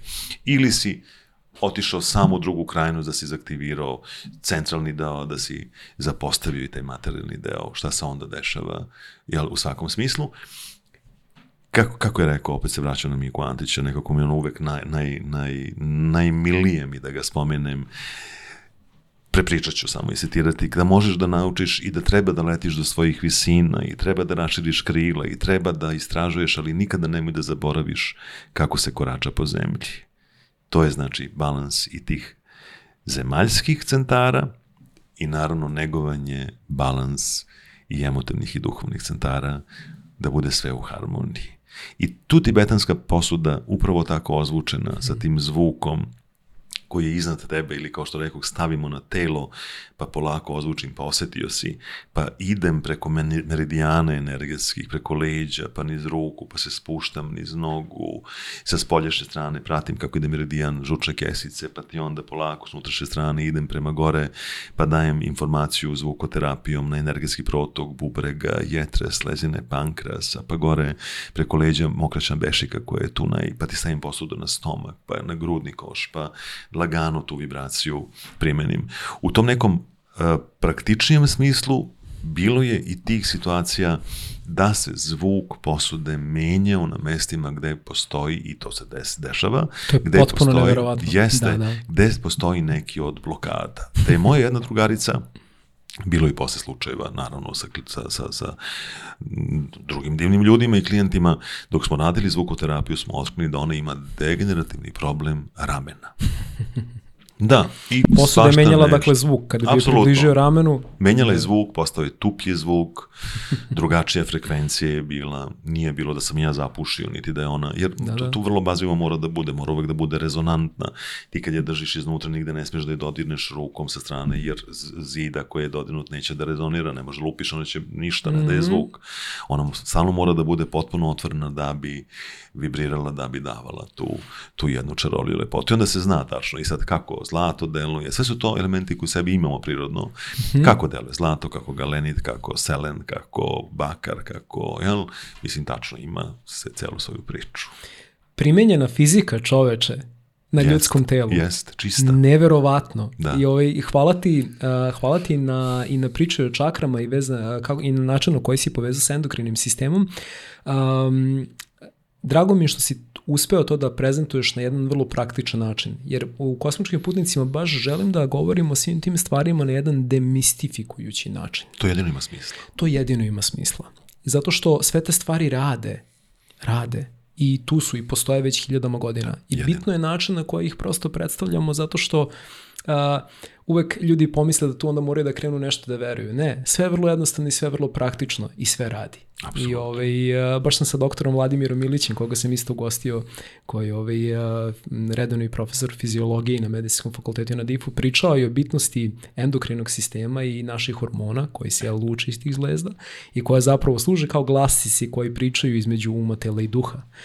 I to je jako, jako, jako zanimljiva tema, tako da zaista hvala, hva, hvala ti na tome. I, I, nadam se da se ljudima sad ove teme, da smo ih do, dodatno malo demistifikovali. Ma to je veza, znaš što, izvim što da te prekidam, da, da, ništa, ništa, ti imaš to... Da, da, recimo situacije, eto se zamisli da sad ti ja razgovaramo, uh mhm. -huh imaš fizioterapeuta ispred sebe i da se ja sad krenuo sa latinskim jezicima da pričam. O životnim stvarima, da govorim latinskim što više lateksnih, polo, polo ljudi ne bi razumelo i to bi zaista delovalo i najosnovnije od disanja, kad bi skrenuo respiratorni procesi koji kreću sa dubokim abdominalnim disanjem, koji se mm. završava sa srednje kostalnim tipom i odlazi u klavikularni deo, dovodi do uh, presije, ne znam, o, ljudi verovatno, koliko ovo nije normalno, šta priča ovaj, pazi, a samo smo rekli, disanje stomakom, da, disanje da, sredinom da, da, da. pluća da, da. i disanje vrhovima pluća, Jeste. što u mom jeziku moje struke ima naravno svoj jezik koji mi koristimo u našoj komunikaciji kada smo direktno povezani sa, sa, sa radom. Zašto bih ja to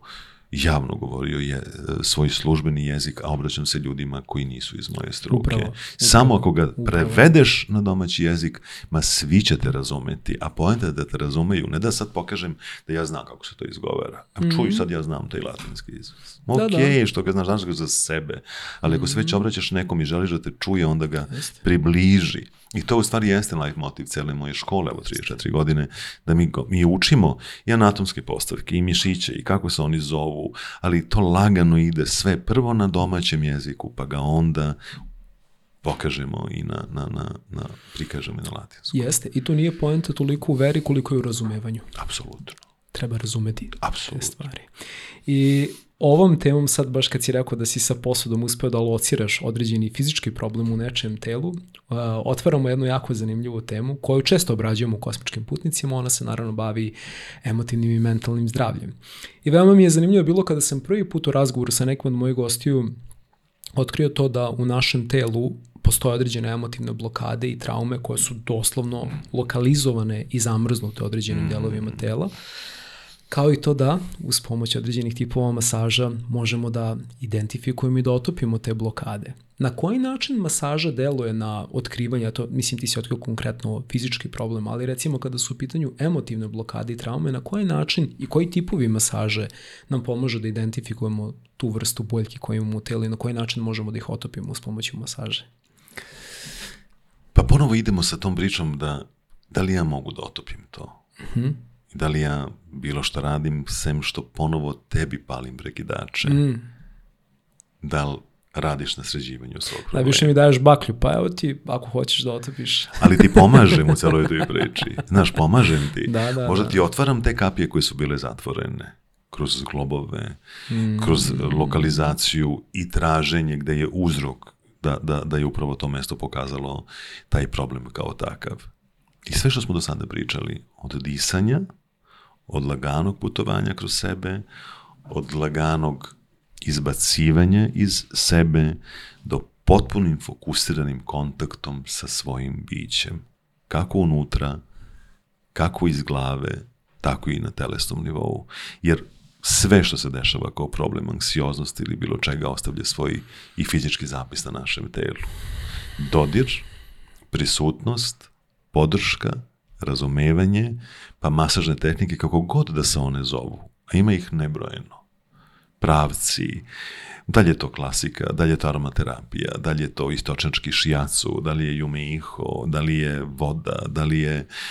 Nema veze, ali oni su samo alati. Odabrani alati da bismo došli do određenog rezultata. Da, um, mislim da je jako bitna stvar vezano iz ovog razgovora kada je masaža, kada je nalad samospoznaje u pitanju, jeste to da dopada mi se ta vrsta etike koju primenjuješ u svom radu, gde ne preuzimaš tu odgovornost da ti nekome rešiš te problem, već koliko samo da nekome pokažeš kroz masažu gde potencijalno može da se nalazi određeno čvorište s kojim čovjek može da krene da se bavi onda kad je za to spreman. Apsolutno. I to mora sam da odluči da. i sam da ima odgovornost. Mislim, ne znam imam samo odgovornost, sad, uh, odluku da krene da se, da se bavi. E sad, znaš, kod različitih, u različitim situacijama tu toliko ima divnih kolega i toliko ima raz, mhm. raznih mm -hmm. oblasti koji pomažu čoveku, svakome od nas, da dođemo do odgovora na mnoga pitanja, da se izbalansiramo, da se iscentriramo, znaš, toliko ima pravaca, toliko ima zaista fenomenalnih ljudi, koliko je kod tebe bilo fantastičnih ljudi iz, koji su u celim srcem u svom poslu i svom izboru profesionalnom koji je potpuno Jest. čovečan i ljudski, Jest. znaš. I, I onda je najno, stvari, posao jednog terapeuta koji jeste u masaži je između ostalog i to je jedno divno timsko udruživanje sa ljudima iz ostalih oblasti. Ne mogu ja da budem, znaš, sad bi bilo divno kad bi mali perica bio mali perica, pa sam sad sve ja, čarobnjak koji posjeća svu pamet ovog sveta, pa sam i nutricionista, da, da. i psiholog, i coach, i maser, i e, kineziterapeut, i ne znam, osteopata, i... Hiro... IT stručnjak. Halo, mislim, ajmo da se dogovorimo. Da, da, Lepo je da ti sve. sebe gradiš i sve to, ali ti nosiš odgovornost za ovaj svoj deo da, priče da. koji podrazumeva znanja, koji inkorporiraš u to, mm. ali u tom timu su ljudi koji su celim bićem Nikolićem kao ti u masaži, vezani za dušu čoveka, vezani za psihu, za mozak čoveka, vezani za hranu, vezani za fizičku aktivnost. Znaš, tako da... Sa obzirom da si već, eto, onoliko koliko imam godina, odnosno 34 godine već u, u svetu masaža i u svetu wellnessa, šta misliš da su neke od najvećih zabluda ili mitova na koje si nilazio tokom svoje godine rada kada su masaže, recimo, u pitanju? Uh, da mora da boli. Da, to je, to je jedan od mitova. U da, ako ne boli, nije bilo dobro da, da, da, masaža. Da, to. Da, da ja, da mora da, da, da. laka da se navije, pa da se istiska Aha. dobro. Da, da. da, nema rešavanja celulita ukoliko nisu modre noge i nema modrica nakon tretmana, da se nije dobro razbio, što je jezivo, skandalozno, da ti nekom kidaš krvne sudove i, i vezano tkiva. E, šta mi još može da bude kao, kao zabluda? Pa da ono, da, da, da, da masažom odeš pa kao skineš 5 kila otprilike i tako, da ti izoblikujem. Ti sve kao možda... to je mit. da, da, nažalost. Da. Ti sve radiš, uživaš, da, jedeš, da, da, da, piješ, da, da, da. dođeš kod A, mene, za, ja... Anticelulit, posle, ono, posle kile čvaraka, da. anticelulit, masaž će ti reši kao, problem. Napravim te Apolonom, dođe žena Afrodita, Venera u trenu, mislim, ha, znaš, dođe na masaž anticelulita, nosi tako neko testo u ruci, gazardine napitak, nisam stigla da ručam, što se, okej, okay, dešava se, ali čemu onda, zašto radimo taj anticelulitni program, znaš, ili ajde da mi izbaciš vodu da sad ja... Kako psihološki prići onda, onda tim ljudima, da, to je ono, to je vero, verujem, verujem da je malo izazov, jer neko pa ti pa dođe kao tebe očekuje sad neki rezultat, kao čoveče, hoće vreme rešiš ovaj anticelulit. Znaš šta, ali, meni nije da. teško da pokažem sebe i kažem vidi, ja kad bi mogu ja bi bio polon, otišao bih kod nekog da me tako izrendira i napravi frajerom, znaš ono, sav po jusu, da. pošto sam ja tako čovjek hedonista, što se vidi po meni jedan bik koji je sklon uživanjima, pa onda stomačić, pa onda, znaš, moja konstitucija, ako imam 57 godina, što nije opravdanje, svakako, ovaj, evo vidi, da, da je neko mogo tako, da ja sad stvarno uživam, da se ne patim ko što često odlazim, ja se šalim, da se patim isto bi volao tako da mogu da živim, znaš, ali nemoguće, ako malo ne kreneš sam na, na, na redukcije i na promene od načina razmišljanja preko odluka koje imaš vezano za sebe, Pa kako god da se to zove, da li sad hoću da budem zgodna i zgodan, onda ti ja stvarno mogu samo da ti budem pomoć, da izbacimo taj višak vode iz mećalijskog prostora, da uradimo na tonusu mišića, da očistimo malo damo informaciju unutrašnjim organima, da psihološki imaš bolji osjećaj, ono spoja sa svojim telom, sa svojim, znaš, da, da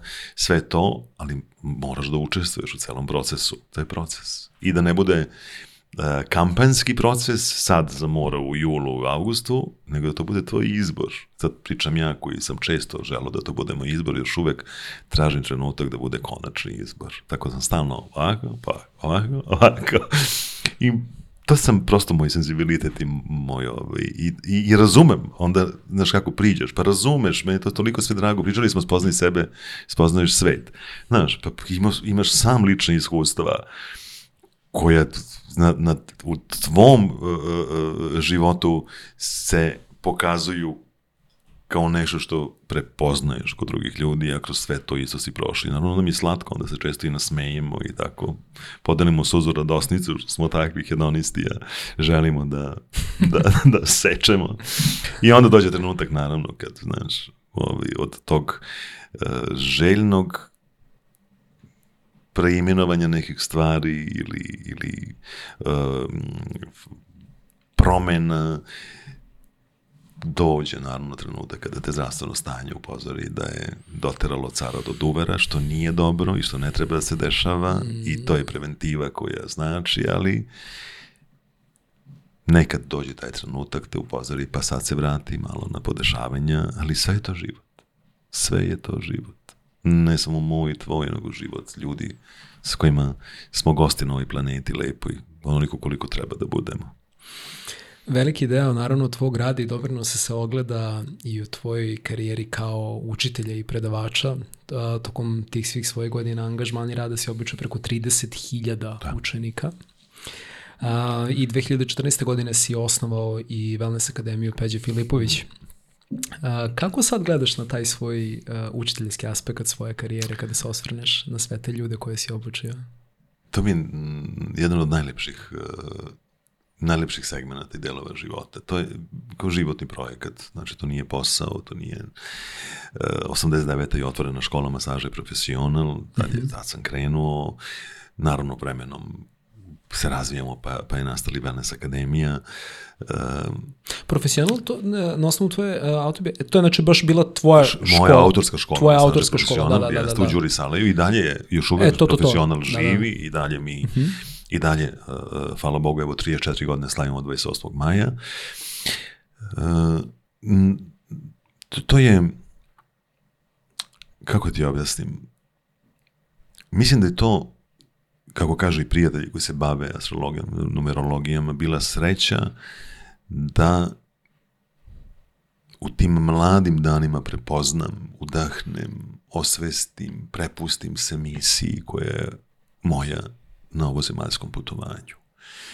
I to bi sam bila nekako samo prazna priča, da, da, da, da, da, da ona ne traje evo, 34 godine, da, da, to da. nisu ljudi koji ti daruju poverenje, da to nisu ljudi koji dolaze redovno na predavanja, malo pre spomenu smo koji menjaju svoj život kada završe masažu, koji su uh, uh, u nekim situacijama nesigurnosti, gubljenja samopouzdanja, nezadovoljstva zbog poslova kojima se bave, a bile su odluke njihovih roditelja ili partnera ili već, ne znam, u, u, uslovljena situacija situacijama raznim, ovakim onakvim, um, živeli nešto gde sebe nisu afirmisali, gde se nisu ostvarili, što nisu voleli i neretko se dešava da dolaze da menjaju 30, 40, 50 godina svoju struku, da prelaze polako u masažu, u wellness, da da je to ono što su, da tu sebe prosto, e, znaš, život im se stvarno onako fantastično menja.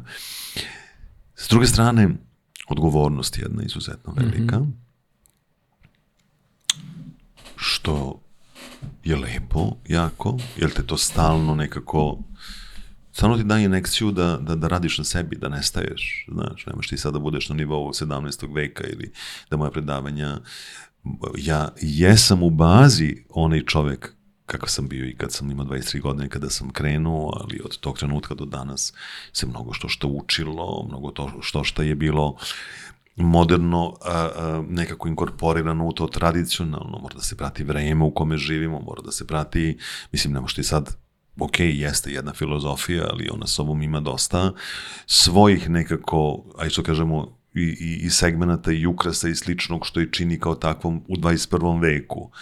Iako ima svoju bazu koja je baza koja se nikada neće promeniti. I ujedno koliko god da sam bio učitelj, ja sam uvek bio učenik. I celog života je to tako. Evo i sad si dobio stipendiju za jedan fakultet. Jesam i mnogo se radujem da idem u Ljubljanu i da kre, krećem sa, sa učenjem. To je ono putovanje u ovom balkanskom, pa, pa ide, ide Slovenija yes, i, yes. učenje.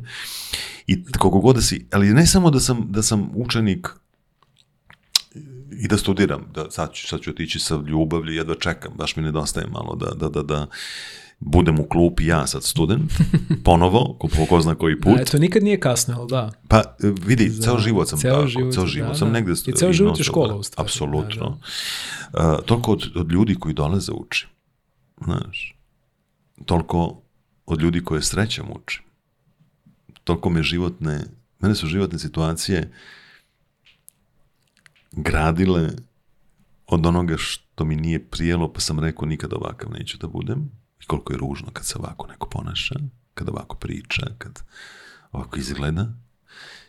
Mislim, sa onim što govori, što, mm -hmm. što emanira, što, što ogovara, što ne da, znam, pričeva, kako da, da. komunicira. Do onoga ovo su sjajni primjeri. Ljubavi, strajnosti, darivanja, čovečnosti.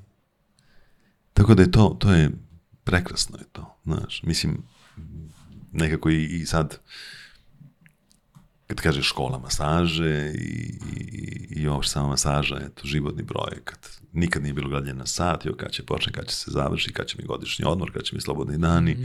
Vikendi su uglavnom ti kada se radi, što ti je jasno da je bilo mnogo uh, situacija u životu da se naide na, na roštiljanje sa društvom, da se ne ide na sportu, u prirodu, da se ne ide sa porodicom, zato što vikendom najviše do, ljudi, moji studenti, ceo život iz cele Srbije pa iz celog regiona dolaze na predavanja. I to uvek bilo sa puno ljubavi, nikad, nikad mi nije bilo žao. A roštiljanje i druženja i, i svega što pomisliš nekad da je kao zapostavio si, ti uvek nadoknadiš to nekog drugog dana i nađeš sa ljubavlju. Na, prosto se sve to tka lepo, nema tu mhm.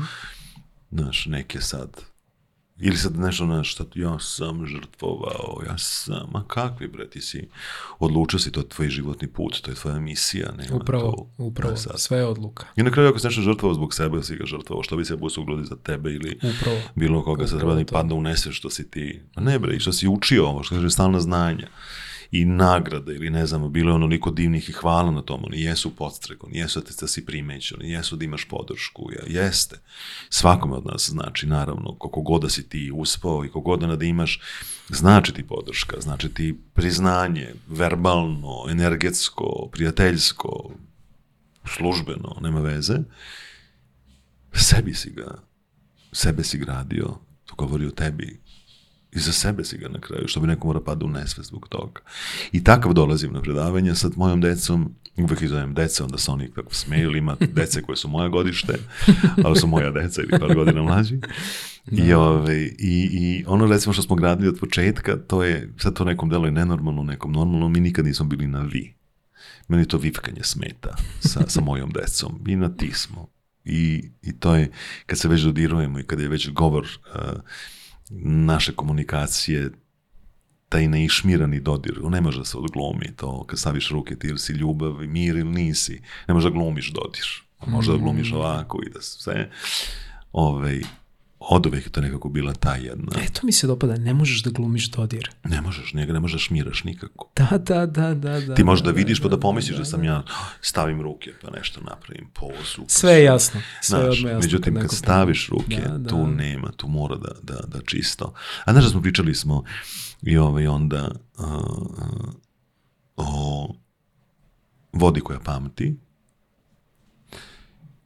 o tih skoro 70% tekućina tečnosti u našem telu, onim japanskim naučnicima koji su pratili vodu, kako ona pamti, kako se mhm. ponaša eh, u sredini koja je harmonizovana, lepa, koja je sva tako subtilna. Sa namerom koja je upućena. Apsolutno, s namerom, bravo, do mm. one mhm. vode koja je bila u haosu, u ludilima, mm. kako su izgledali oni kristali pa kao pahulje divni, bajkoviti od ovih koji su potpuno razuđeni. E sad šta se dešava kad ti postaviš ruke koju nameru postavljaš na vodu nečijeg tela? Hmm. To je isto važno.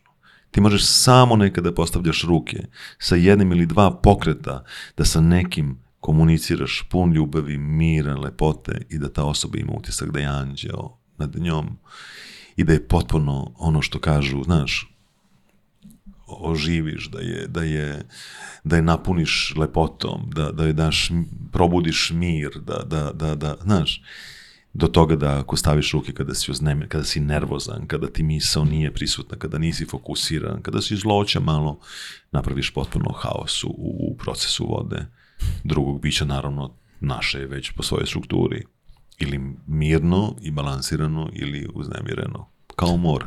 To je potpuno fascinantno da ostari da kroz proces masaže voda jedne osobe komunicira s vodom druge, pošto smo absolutno. većinski voda. Da, apsolutno. Da, da, da. To nisam da tako gledao kad si mi to prvi put A opet rekao. kad se vratimo na emocije. Jako zanimljivo. Da, da, da. kad se vratiš emocije, kad se vratimo od toga šta se u dubinama tih voda krije, Mm. Pa koliko ima lepote, koliko ima onog što nismo ni osvestili da imamo, pa zaboravili da imamo, znaš, pa od onoga što malo se tu zadržalo isto.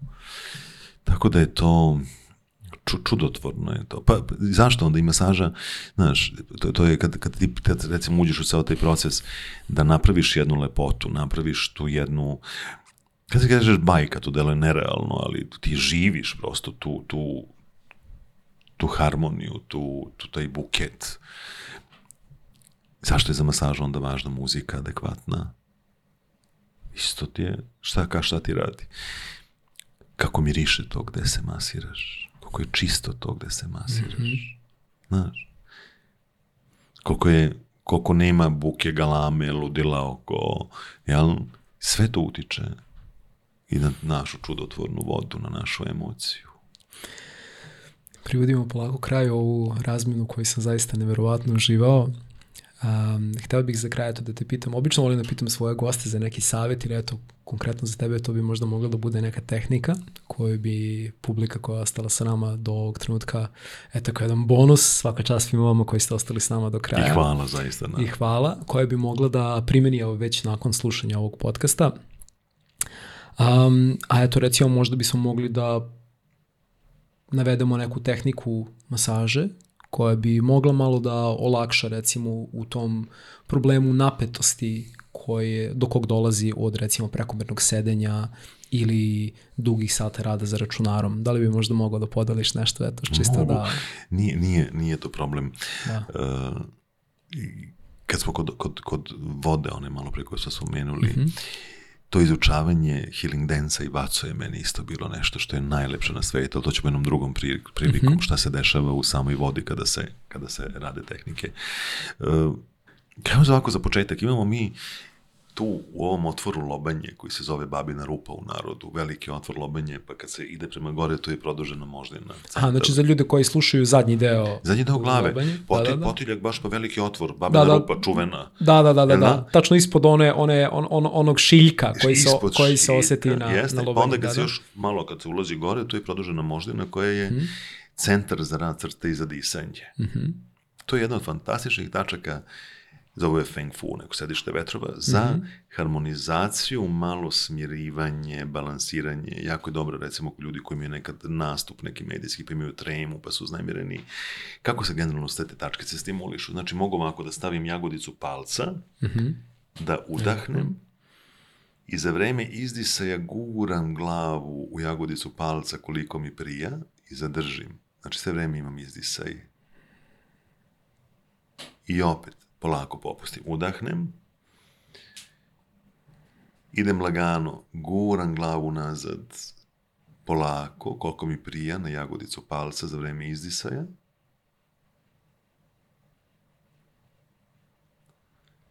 Polako opustim, dok udahnem duboko skroz. I još jednom uradim stimulaciju lagano. Eto, divne tačke za smirivanje, harmonizovanje, balansiranje. Recimo to bi bila ta Feng Fu dok je radim, bukvalno ono kao pokušam da otvorim oči, oči mi se same zatvore. Jeste, pa dobro, da, da, da, da, znači, da ti već ono... ti imaš svoj put, meditacije, opuštanje, znaš, da se potpuno povežeš sa sobom. Ne, neko je možda malo i neobično sad dok stiska, znaš, da, da, da, šta sad radim, šta stiskam. Da, da, da. E, neće mnogo da nam pomogne, recimo, ako smo dugo sedeli i samo neku tačku stisnemo. Da, znaš, upravo to sam tada kada ne, neće, Ali moraš malo da ramena razgibaš, moraš malo da, znaš, sa disanjem, oh, ah, udisaj, da povežeš skroz ivice lopatica, da osvestiš napetost u tom međulopatičnom delu, pa polako da spustiš. Pa gore ramena prema ušima, znači sad se bavimo e to, pa nazad ideš, pa skroz što više povučeš ivicu lopatica prema kičvanom stubu, zadržiš da malo, pa polako, polako spustiš. Ali svesno ramene idu napred, pa polako ideš nazad skroz do da zalepiš, pa zadrži malo da ti budu što zalepljenije lopatice, pa polako spusti. A? Pa onda malo kontra. Udahneš zalepljene lopatice, pa izisti da ramena idu što dalje napred tu, pa polako spusti. Pa opet tu, pa polako spusti. E, znaš što je sad što interesantno? To sam u Ajangerovoj jogi, recimo, kad smo imali neke, neke mhm. edukacije.